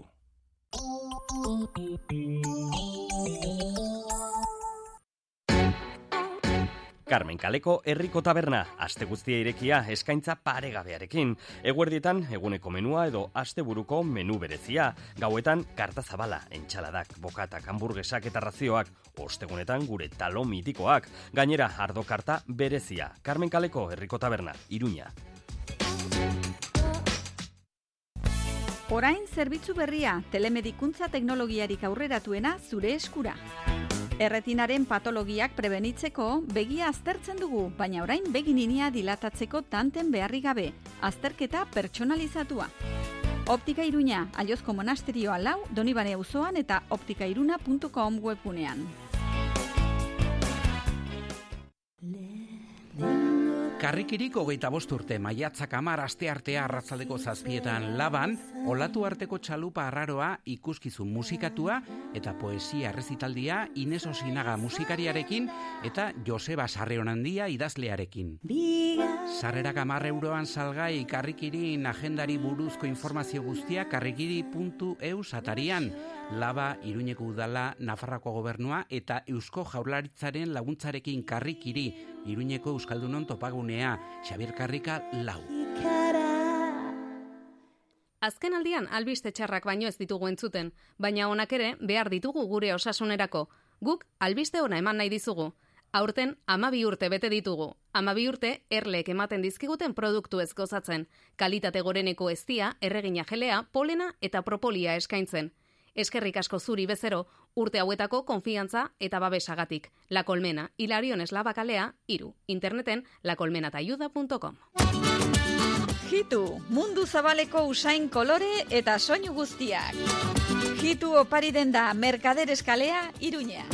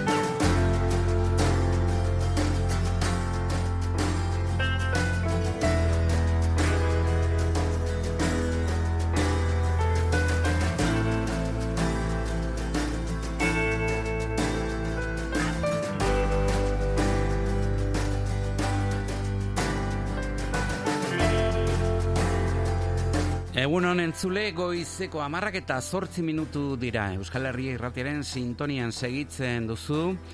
Iruñetik ari gara, Donibane auzotik, Irrintzi dorretik, Amairugarren solairutik, zerutik oso gertu gaude eta odeiak lagun ditugu. Metropoli forala zeharkatzen segituko dugu beste ordu batez goizeko magazina gurean. Zurean, lehenik eta behin iritziaren tartea zabalduko dugu. Metropoli foralean, minutu bateko manifestua. Ikertu bia kazetaria, berriako kazetaria egunon eta nahi duzunean aurrera. Egunon. Igelak bizkarrean daraman eskorpioia da Espainiako alderdi sozialista. Dagoneko langilek ez dakite zenbat orbainek gurutzatzen duten haien bizkarra, ezten ase ezin eta traidorearen zaurien arrastoak. Patronalaren lan erreformaren azkurea oraindik sumatzen dute gorputzean. Egoaizeak Saharako area ekarri berritan oso mingarria izan da eskorpioiaren azken eztenkada.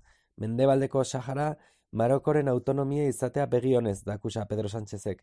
Hala esan dio Marokoko errege kolonoari. Basamortutik heldu zen area. Esan nahiko baligu bezala, ez zaitezte mendebaldeko Sahara zatzen du, berriz ere. Fabularen arabera ez dena sartzea da eskorpioiaren natura, horrek bera kondenatu badezake ere. Izan liteke Espainiako gobernu hau ereitsi dezakeen eztena, zenbatgarren zaurian emanen du amore ezkerrak, ezpaita azkenengoa izanen, eta badakite. Mi esker honitz eta datorren astera arte ikertu bia. Etxera ez. Tapia.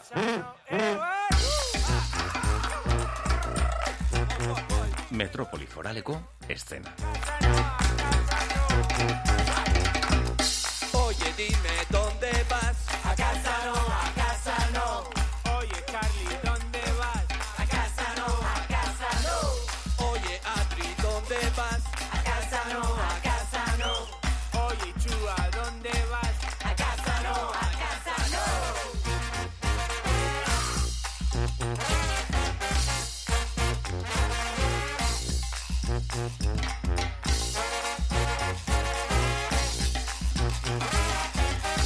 Musikaren tartea zabalduko dugu segidan Kiss FM gaztea, cadena 100, 40 principales. Non gaude, Jofe, Igotz, Mendez. Euskal Herria irratian gaude. Euskal Herria irratian noski. Onena, onena. Bai, bai, bai. Zer da Kiss FM, peio? Kiss? FM, ba, badakizu bilabesan, txoferrak entzuten duen hori. E, gaztea zer da, zuk esanen diazu? Ba, ite beren irratia, ez? Bai, Ba, ez nago oso enterauta, eh? Bai, bai, egon, bai. egon izan naiz. Niko bakarrik entzuten dut Euskal Herria irratia. Oso ongi, entzun eta bertan parte hartu, ezta? E, zertan zabiltza, e, musikari da okionez, komposatzen, gauzak egiten, e, zu beti batetik bestera bixi-bixi ibiltzen Bai, zarelako. Bai, bai. Lan egiten, musika, musika egiten ez, baina bai musika kaleratzeko prestat, prestakuntzan, bai, osea, gauzak prestatzen, ze diska amodioa e, kaleratuko dugu, eta hori, prestatzen dana, e, azkeneko bideoa grabatzeko prest, eta bueno, hori, los míticos gajes del oficio. Bai, zu beti bideo, ezta? Bideoklipa kanta guztiekin, e, bai ala ez? Ez, ez dirua, dirurik ez daukagulako, baina, baina bai, osea, alko banu bai, baina e, misteipak baditu zazpi abesti eta bideokliparekin lau. Akasa no, akasa no. Eta kanta honen atzean Broken Brothers Brass Band. Oye, loco, yo me quedo hasta que amanezca. Aún tengo la cerveza fresca. Broken mood, tanto que te apetezca. Lo que pasa, hermano, es que ahora mismo estamos en la cresta. Oh shit, bien lo saben en Burriana. Vamos de Gaupasa al bolo de la mañana. Camo y fidegua, todo el fin de semana. Bermud y carajillo, la casa por la ventana. No fui pa' la nave sin mi cuello en nera. Disco en San Fermín es pa' aliviar la espera. Martí se desespera. Ayer- Broken Brothers Brass Band dena esana dago. Nik uste baiet, baina bueno, e, kate begia diska duela oso gutxi Spotify eskuragarri dakazue, eta bueno, entzuteko aukera izango dizue, eta hau temazo bat da, akasa no, eta ere, bueno, nire ustez temazorik handiena joan zen gaua. Da. Egin dezagun aurrera. Zenbalaino beltz, besarkada bat behar duzu baina kiratxa jasan ezina da. Bakarrik zaude, bere zuloak Malkotan errua ez duzu inoiz bilatzen Sede zuloan, ilunpetan ikuste zein omen da Zure zauria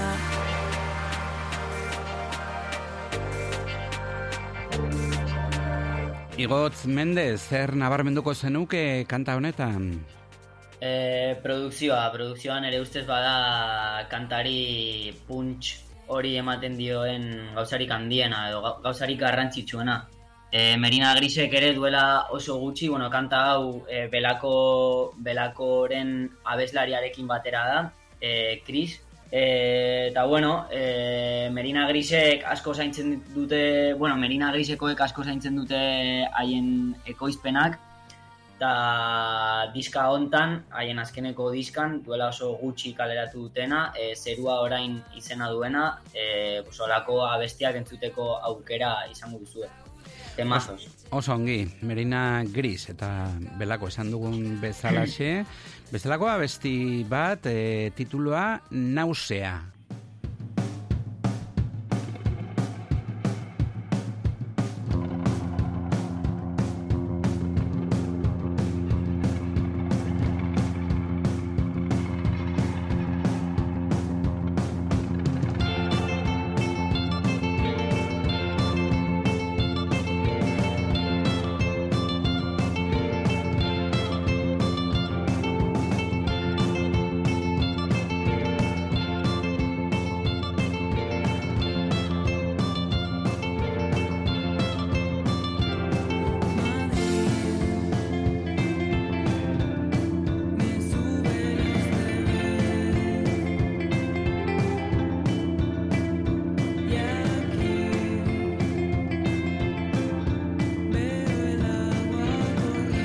Igotz Mendez e, Jofe oianetan murgiltzen ari gara Las Selvas taldea entzuten da. aditzen ari gara. Las Selvas, Las Selvas. Las Selvas Bilboko talde bat da.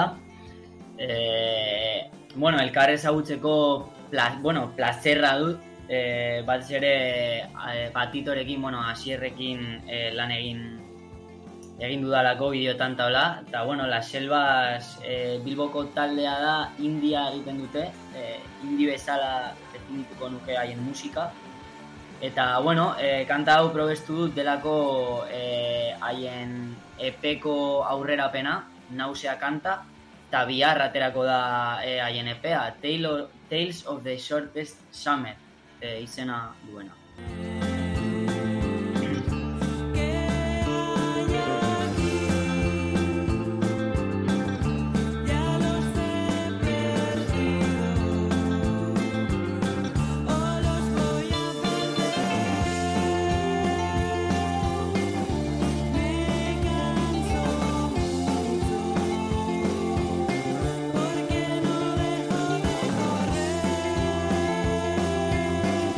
Eta nondik nora, ba, oianetatik kartzelara joko dugu segidan, kartzeletan ere amodioa sor daitekelako bulk taldea.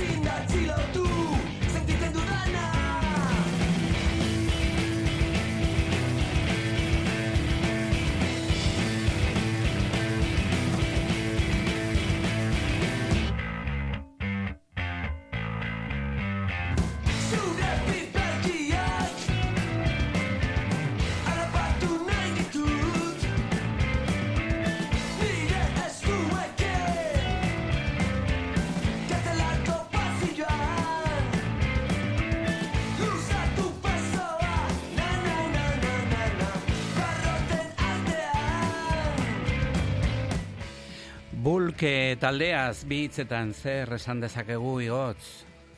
Eh, punk boy band. Bulkekoek badakate zeo zer berezia. Eh, haien azkeneko, bueno, entzun duguna amodioa kartzelan abestia da. Eh, haien azkeneko diskako abesti bat, eh, bulk ez da. Eh, diska gomendatzen dizuet, ze punk horren barruan eh, gauza berezi asko sartzen dituzte, sintetizadore asko, egiten dituzten ere aldaketak e, bueno, kantan zehar ere izugarriak iruditzen zaizkit eta nire ustez urteko banda bat, apuntatu beharreko banda bat. Oso ongi, beraz nabarmenduko dugu gure kuaderno txikian bulk eh, taldea. E, segidan la elite bi hitzetan e, nondik nora talde hau emaizki guzu e, zenbait ezaugarri eta Eh, abestiaz ere bailando kantaz. Vale, e, jeidakoak dira, ere bulkekin, bueno, bulkekin antza akate, e, ze post-punka eta, bueno, abesti kaineroak egiten dituzte eta pues hori, abestia bailando ditzen da eta dantza egiteko da. Así que dame otro soplo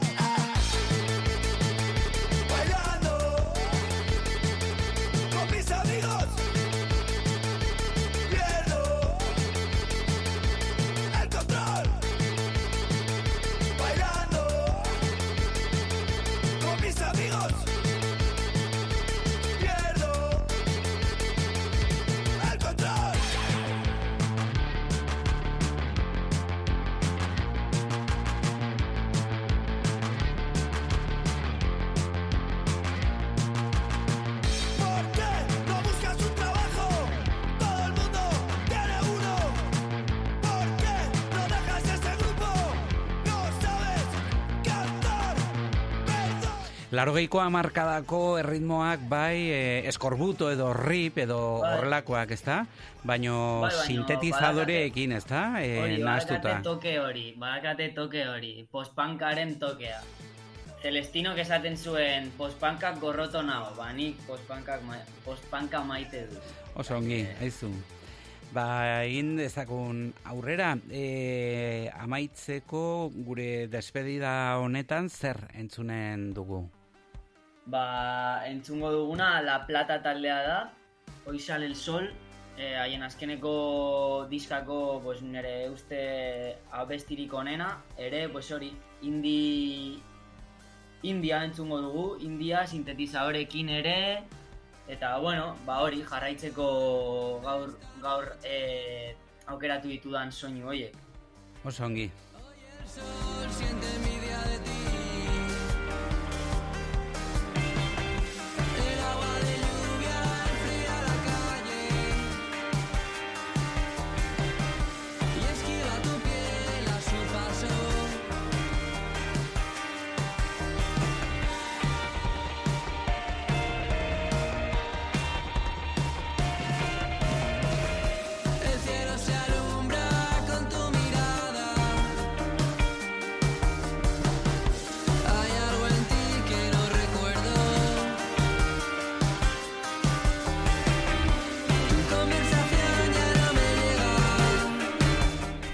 Zu Bilbon, gu Iruñean eta zutabiok lotzeko eh, bideodeia izaten dugu eta hortxe ikusten zaitut behatzetan eh, oso eraztun nola, nola ditu tira pitxonean hartutakoa Diseinadore batek egina. Opari bat dira.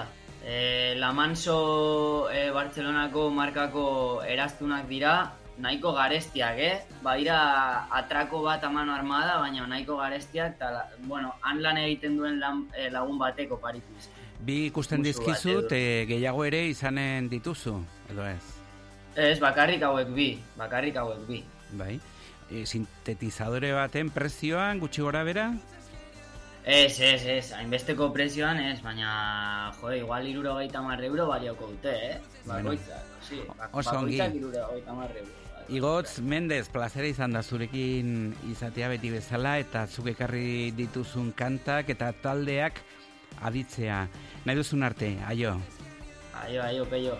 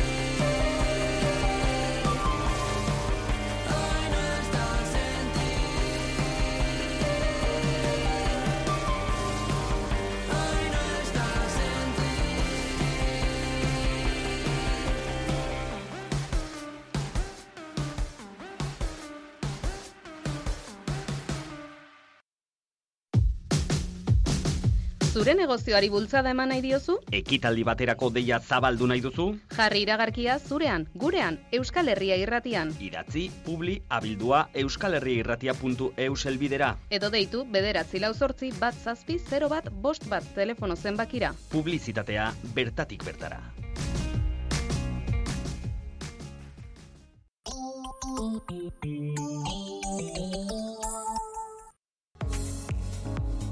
Autoko giltza, agintea edo sarraila konpondu beharra duzu? Zerrajeria Beloso, automobilaren sarraila gintza teknikoa. Autoko giltzekin duzun edo zein arazo konpondu dezakegu. Burlatan eta zerrajeriabeloso.es webgunean aurkituko gaituzu. Orain zerbitzu berria, telemedikuntza teknologiarik aurreratuena zure eskura. Erretinaren patologiak prebenitzeko begia aztertzen dugu, baina orain begininia dilatatzeko tanten beharri gabe, azterketa pertsonalizatua.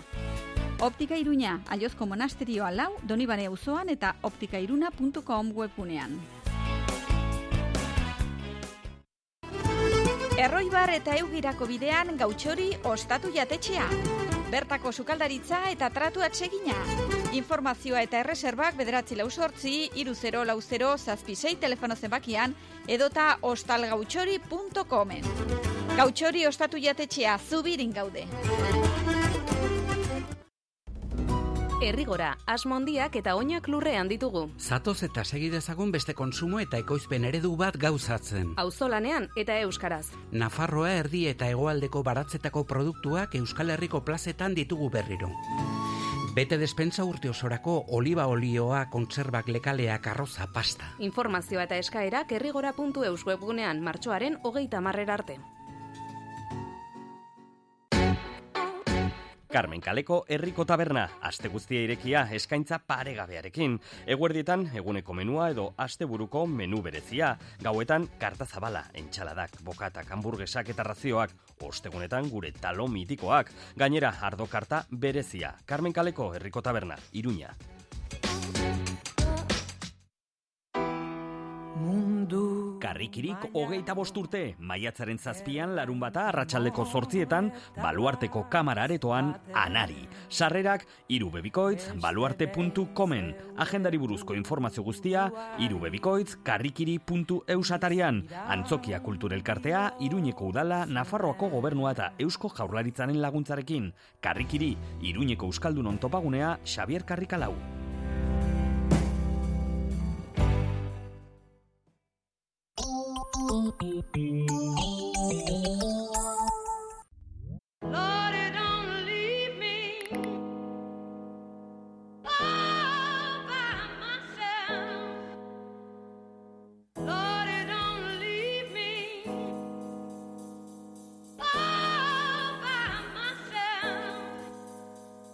Euskal Herria irratian, Metrópoli Forala.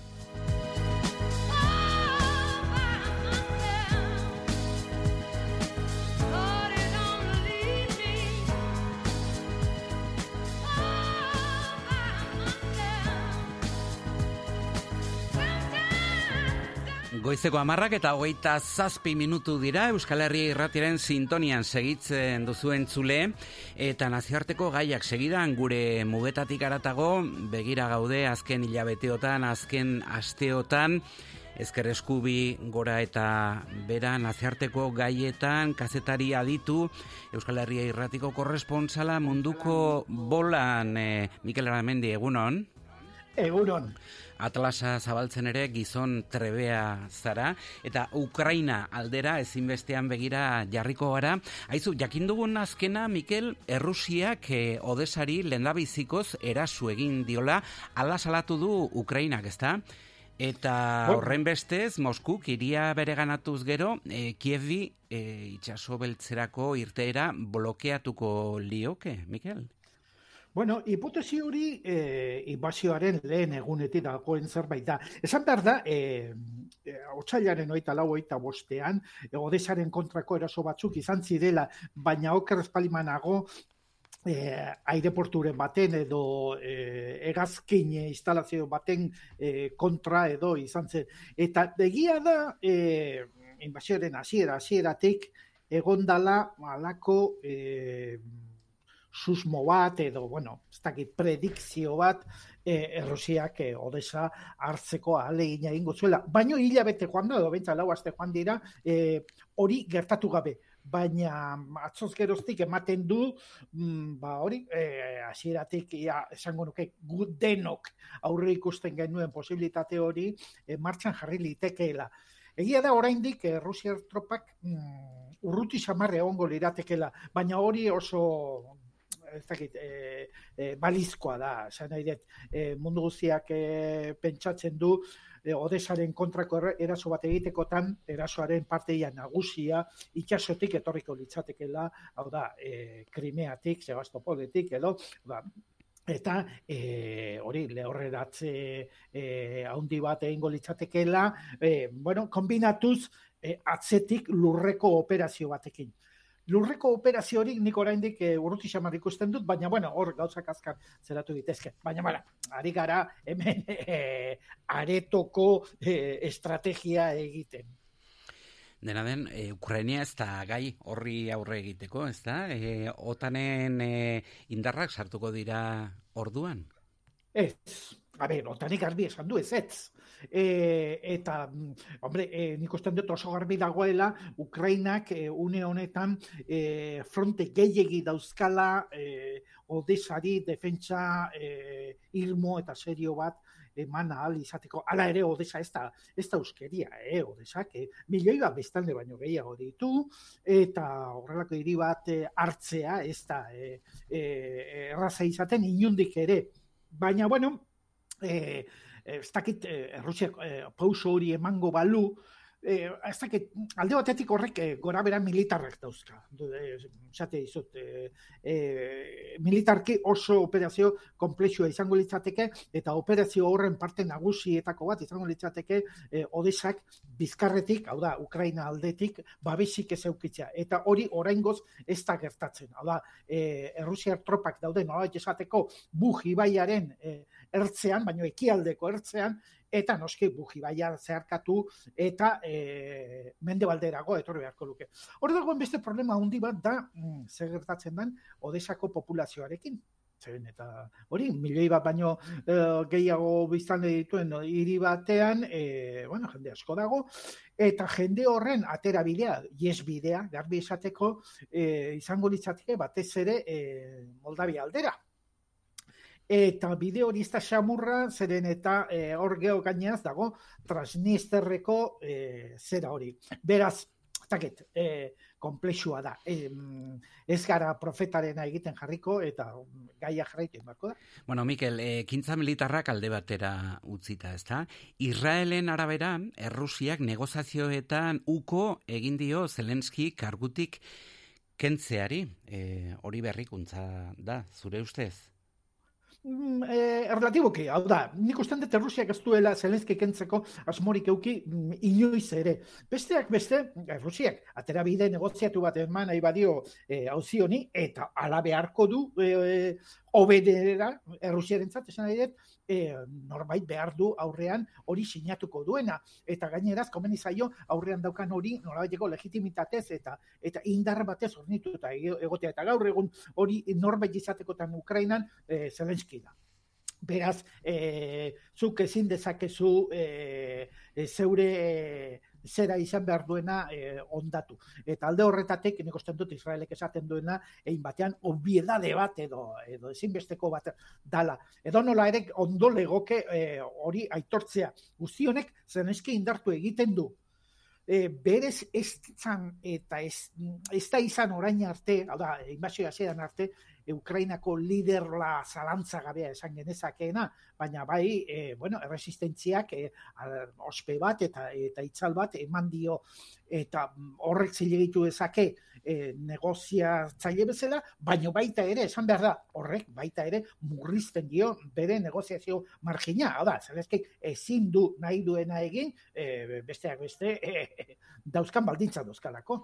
Aizu, Putinek oraindik ere e, gaur gaurkoz negoziazio horietan e, bi ardaz nagusi ditu e, Ukraina naton ez sartzea eta bere indar armatuak ahultzea horrekin e, aseko litzake? Eta goiko e, bi provintzia edo bi eskualde berri horiek bereganatzea eta horrekin askin. Bueno, nik usten dut Errusiak ez duela e, e, irabazi e, territorialik e, horren besteraino nahi. Beste kontu bana, Errusiak bai nahi dezakeela lehendik daukan irabazi territoriala Krimeakoa e, bere lurraldearekin e, e, sendotuta guztia eta hortarako hortarako tartean dauden e, Ukrainako oblastak mm, ez dakit estatus berezi batean egon beharko lukete e, e, ez dakit e, autonomia e, semi-independente bat edo horrelako zerbaitean egon beharko luke. Bueno, hori fikzioa da e, gaur gaurkoz.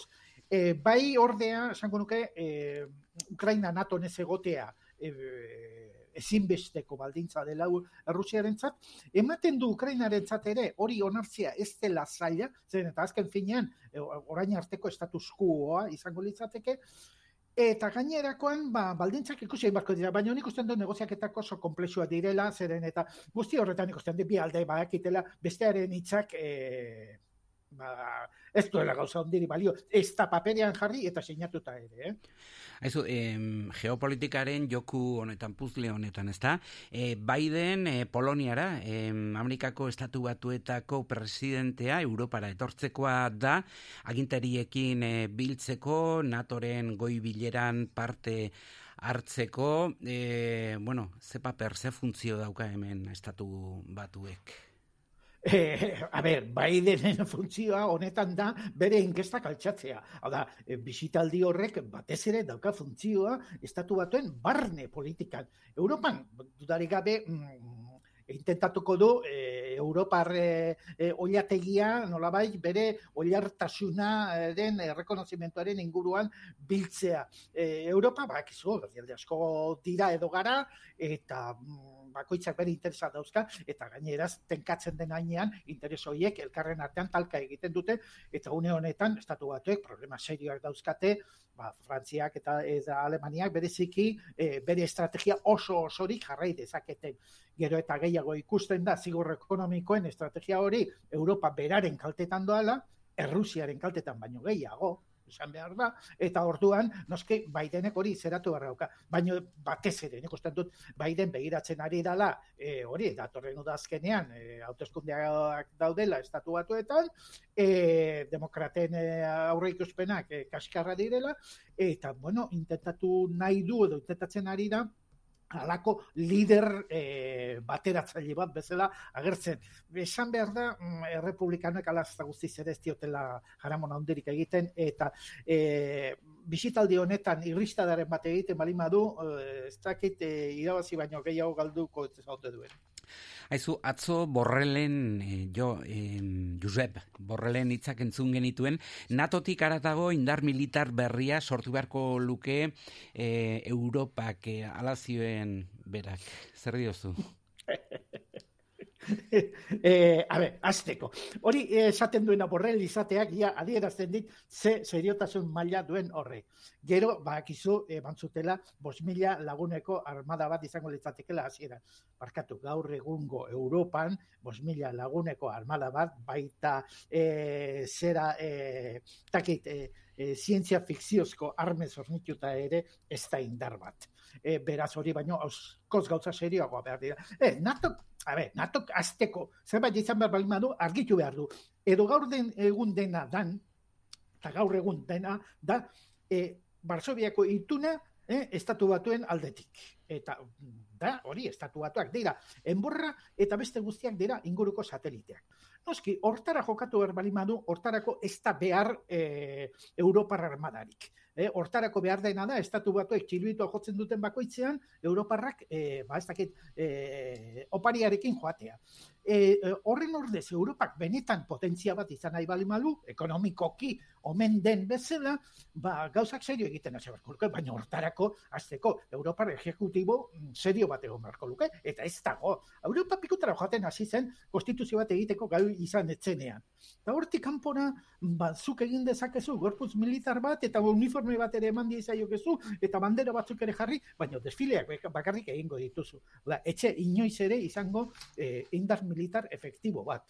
Hori alda nahi duena?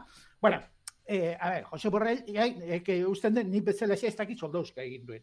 Mm, Eh, eta eh, iritzi militarrak ematen hasten danean, ba, bueno, ba, neure buruari diodan errespeto berbera diot. Aizu, em, energia, gaza, eh, kalte handiak jasotzen ari da, nozitzen ari da Europa, ez da? E, luzerako, luzerako ikusten dituzu kalte hauek? Naiz eta gerra eh, epertain batera amaitu? Eh, ba, luzerako bakarrik ez, nik usten dut batzuk behin betiko direla, oda, e, itzulezinak direla. Zate baterako, abe, e, Europarentzat e, Rusiar e, petrolioa ez da horren beharrezkoa, baina gaza bai. Gaza e, da lehen, mailak, lehen mailako beharra, eta gainera, esan behar da, Europak bere transizio energetikoa egiteko zeukan e, karta nagusia.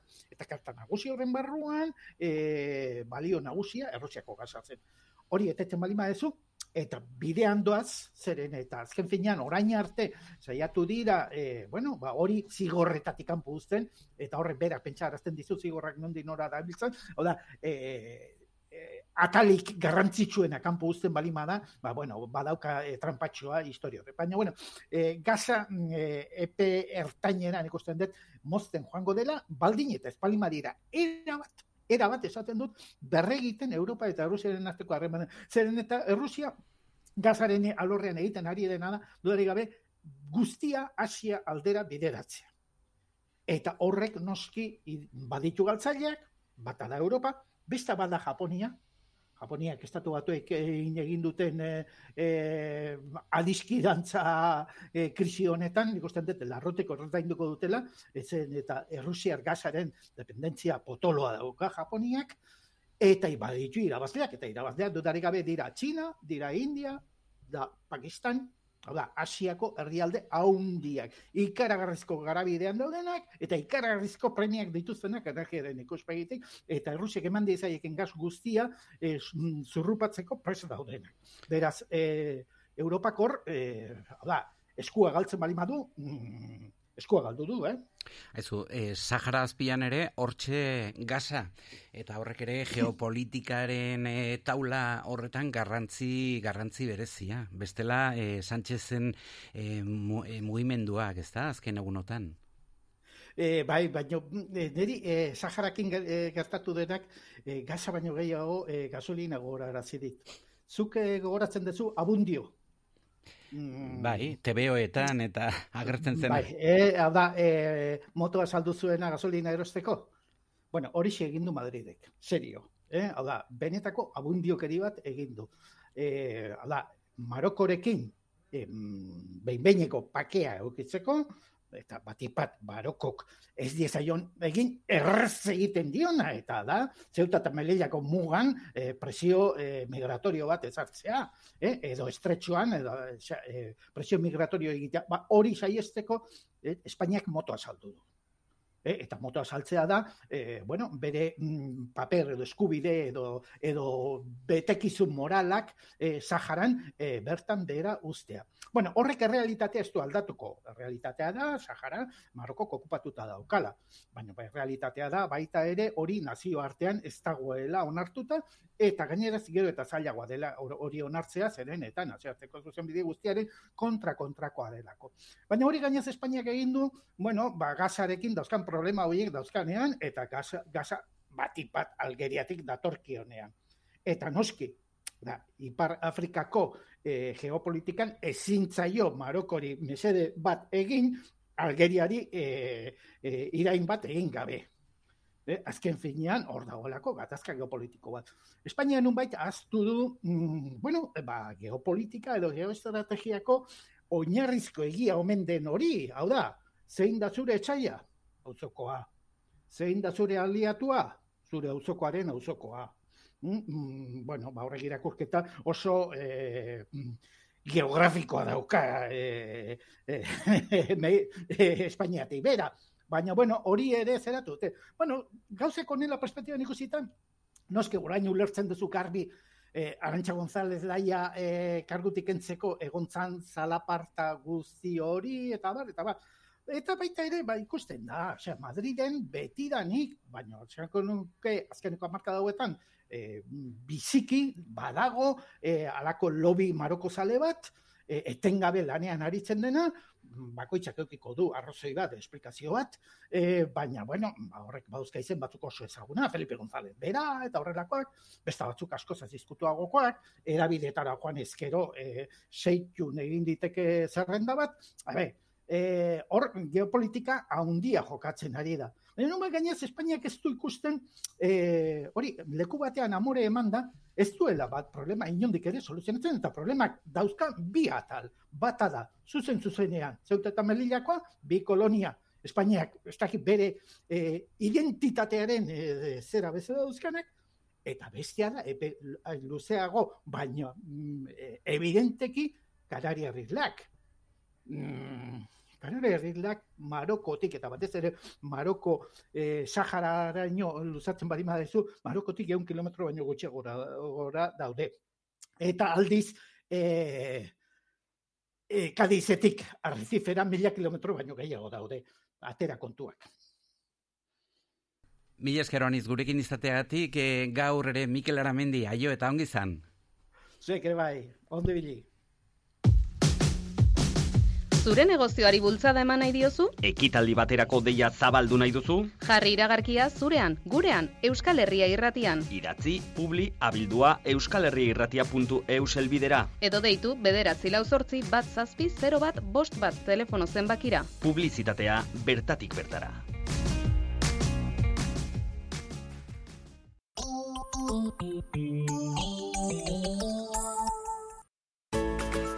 Karrikiri kantolatuta nano antzerkiaroa, martxoaren hogeita lauan osteguna zazpiterrietan, karrikiri elkartean gorputz antzerkia eta komedia Xavier Artiedarekin. Sarrerak salga ikarrikirin iru eurotan eta lau sarreren bonoa amar eurotan nano antzerki aroa. Iruñeko udalak Nafarroko gobernuak eta Eusko Jaurlaritzak babestuta. Karrikiri, Iruñeko Euskaldunon topagunea Xavier Karrika lau. Hitu, mundu zabaleko usain kolore eta soinu guztiak. Hitu opari den da Merkader Eskalea, Iruña. Noainen, serreria espartza. Zurdindegi eta ebanisterietarako hornikuntza. Altzariak, eskailerak eta upelak egiteko askotariko zura.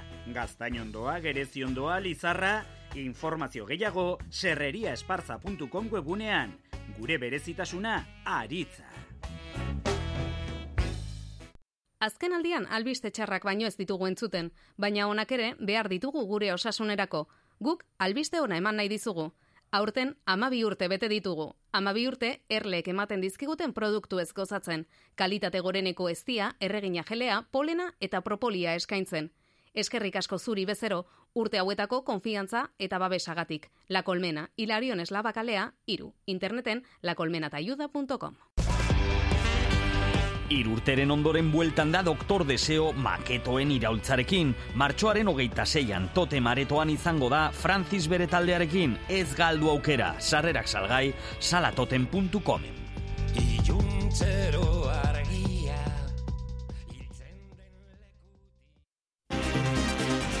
Planikop, fotokopiak txuri beltzean. Fotokopiak koloretan. Planoak, Era guztietako kuadernatze lanak. imprenta laesterra, Kamisetak. Donibane auzoaren erdi erdian gaude. San Alberto Magno kalearen zeian. Planikop, zure kopistegia. Fama Living, sofa denda baino gehiago gara. Gure industria ondakinen euneko laroita marra baino gehiago birziklatu egiten dugu ondakinoi bigarren erabilera emanez. Aurten gure ondakinen euneko 0 kakotx 0 amabosta bakarri joan da zabortegira. Horregatik, haen horren 0 ondakin ziurtagiria jaso berri dugu. Famalibin kalitatea eta konpromisoa. Famalibin zure erreferentziazko denda Iruñean Donibanen iratxe tanatorioaren aurrean.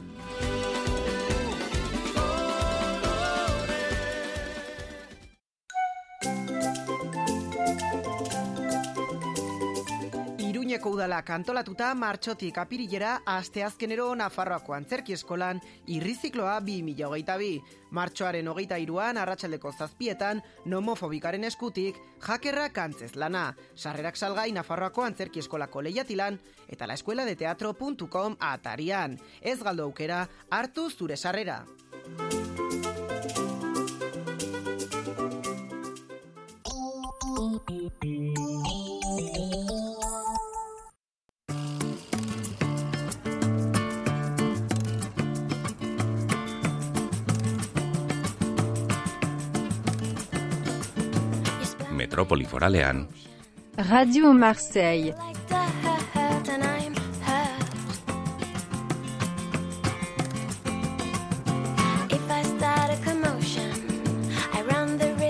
losing you, and that's Radio Marcel, eh, Marsellan bizi zinenean askotan entzuten zenuen irratia. Bai, hori da peio. Bai, bertan esate baterako bertako irratirik Ea dagonan? Bai, noski izanen, izanen dira, baina Pilo. zuk entzuten zenituenak. E, a ber, adibidez marxean dago Radio Grenouille, igela irratia. Ah, bai, igela? Bai, igela irratia. Musika Besteak beste. irratia da, edo? Bai, musika irratia da, oso ona. Bai. Aizu, e, amabostean behin etortzen zara, Marseillan sortu da, Jasmin Mansri. Ni eskera uniz beti bezala gurera etortzeagatik eta hizkuntzaren ingurukoak izanen ditugu, izaten ditugu, mintzagai atzo e, bertsiokatu zenuen txio bat, horixe izanen dugu abia puntu gaur. Bai, e, bueno, berez txioa gaztereraz da, baina itzulpena litzateke gutxi gora bera, moto mami batek badaki hitz bat sortzen eta aldatzen duela iztunek eta ez instituzio batek. Bai? Moto mami bat zer da? Azteko, Rosaliaren azken diskoa, ah, bueno, Rosalia kaleratu zuen bere azken disko dela gutxi, deitzen da Moto mami, Eta ibili zen, ba bueno, azken asteotan txiokatzen motomami baten jarrera, bertzerik ez, promozionatzeko bere diskoa. Baina interesgarriena honetan da, ba, hitz bat sortzen eta aldatzen duela iztunek, dutela iztunek eta ez instituzio batek. Akademiak azkenean onartu egiten du, ezta? E, kokereta esaten dela gizartean oso zabalduta zegoen eta azkenean e, onartu behar izan du Espainiako akademiak, ezta? Zuk, zuk nora erraten duzu, kokreta edo kroketa? Kloketa. Kroketa. Nire amonak bezalaxe, kloketa. Eta albondiga edo almondiga? Almondiga... Almondiga ez, albondiga, nik uste dut. Eske hori da. Egon naiz pentsatzen, iz, bueno, izkuntzerakonde baten rola zein da, sortzea iztegia edo biltzea izta, e, hitzak. Bueno, biltzea, e, bazkaltza india, esate baterako, ezta? Hortxe, hortxe dago. Bai, eta adiez, e, sukaldatu zuk erabiltzen duzu?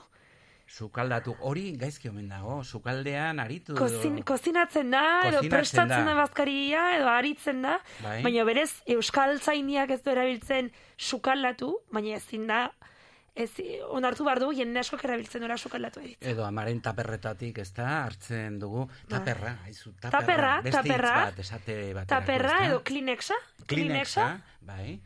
Eta beste gauza asko ere, baude, ezta, e, anglizismoak euskarara, Bai. e, gaztelaniara, eta anglizismoak e, nondik nora, e, inglesetik e, gaztelaniara. esan Bai, edo bertze ez? Spanglish. hizkuntzetatik. Spanglish, bai, baino edo baita ere espainolatik euskara da. Duela gutxi euskaltzainek onarturiko hitz berrien artean, pues aurkit dezakegu e, ibuprofena, ibuprofenoa, bastante, batukada, decepcionatu, eta existitzen dira hitz hauek euskaraz, ez? E, badire, baina ara erabiltzen dugu bastante, ez? Bastante Bast- ongi. Bastante ongi. Edo txikitero, pikillo, spam, adibidez igual nik gaur bidalitako e, gidoia, gidoi hori spametan ailegatu da. Baina hori da odet forman bidaltzen duzulako, ez da? Horremen PDF-ez iaztu zenean. Hemen Worda eta Bai. PDF eta horrelakoak, oraindik ere maila horretan gaude.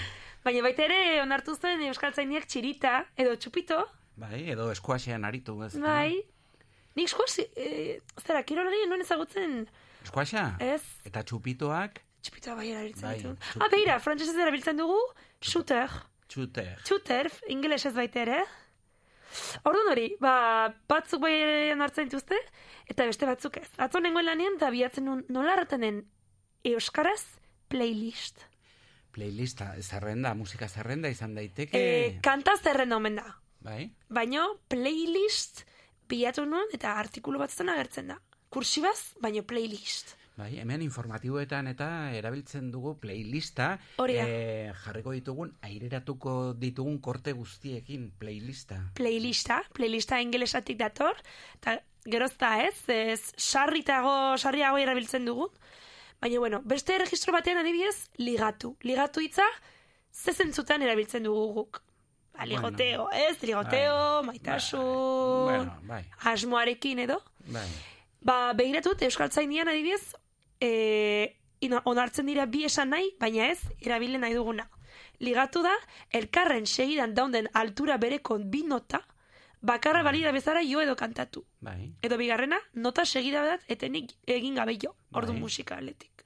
bai. Do txuri bat eta do e, beltz bat, Bai. lotzea, ez da ligadura egitea. Zu hori badakizu. Bai, noski. Pentagrametan bizi naiz, azken aldian. Pentagramak ezagutzen Ez, dituzu? ez. Ba, bos lerro izaten dira. Ah, pa- bai. Parekideak, ez da? Bai. Bata bestearen gainean. Bai. Mi sol si re fa, fa la do mi. Hori institutuan ikasi genuen, aztu zai, ba, Bai, ze txarra nintzen. Solfeoa oso polita. Oso polita oso zaila. Bai, txistua ikastolan Eh, eta... ne. Eh? Pues ligatu, ligatu hau, e, Bai. nik ez duen ligatu horrela imaginatzen. Eta adibidez, dragatu, bakizu zer den dragatu? Bueno, hortxe, obretan ibiltzen direnak egiten dutena. Eh, Egiten dute hori? Dragatu, dragados y co- confecciones edo nola. Hori igual egoaldean, baina iparraldean dragatu horrek erran nahi du ligatu. Bai, Bai? bai.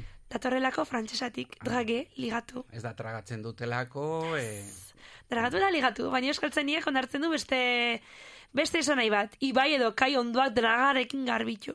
Ah. Orduan hori, e, euskaltzainia mm, noiz arte edo noraino du zilegitasuna errateko hau bai eta hau ez.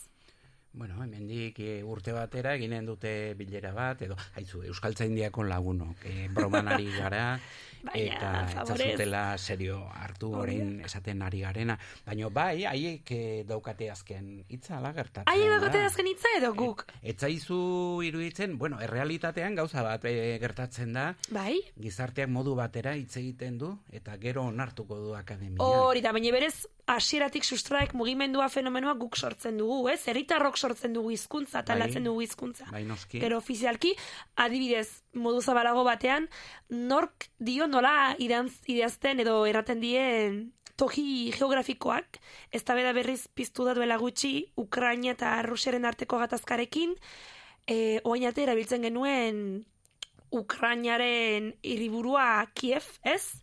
Baina duela gutxi sortu zen mugimendua, erraten duna, orain deitu beharko genuke Kiev. Kiev, Kiev. eh, bertako hizkuntzan horrela esaten delako, ezta? Hori da. Eta Ukrania esaten dugu, baino bertako hizkuntzan Ukrain esaten Ukrain, hori da.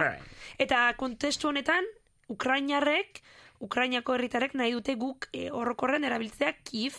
Kiev delako inposaketa bat, ez, e, Rusiaren partetik, eta ez dute hartzen dute e, erasotzat.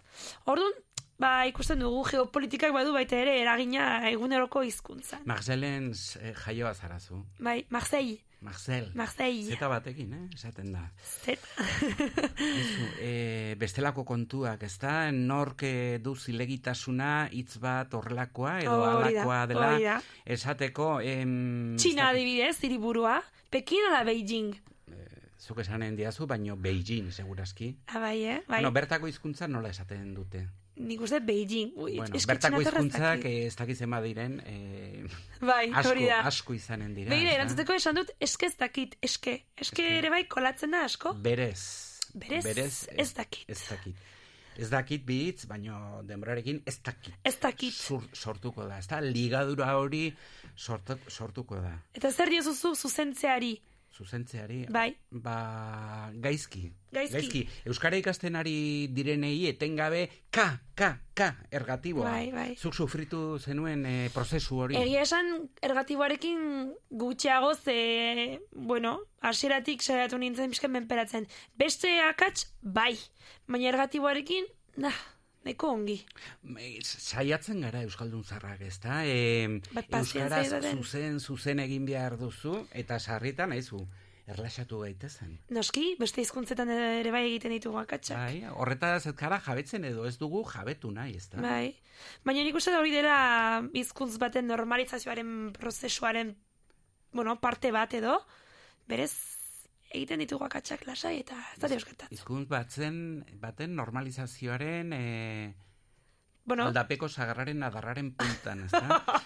Aizu, e, bai, bueno, idatzita edo, bueno, hitz eginda eta bestelakoetan, ezta? Bai, bai. Tx- Txinan gaudela, behin esan duzu, Bai. eta legitimitatea, ezta? Zilegitasuna hori da. Zilegitasuna. Beste Bai. hitz bat eh, izango genituzke hemen hitz egiteko, ezta? Begira, nahi badu euskaltzainek onartzea hitz bat, pues egituko dugu errepikatzen, errepikatzen, errepikatzen, haiek erran arte, hori onartuko dugu?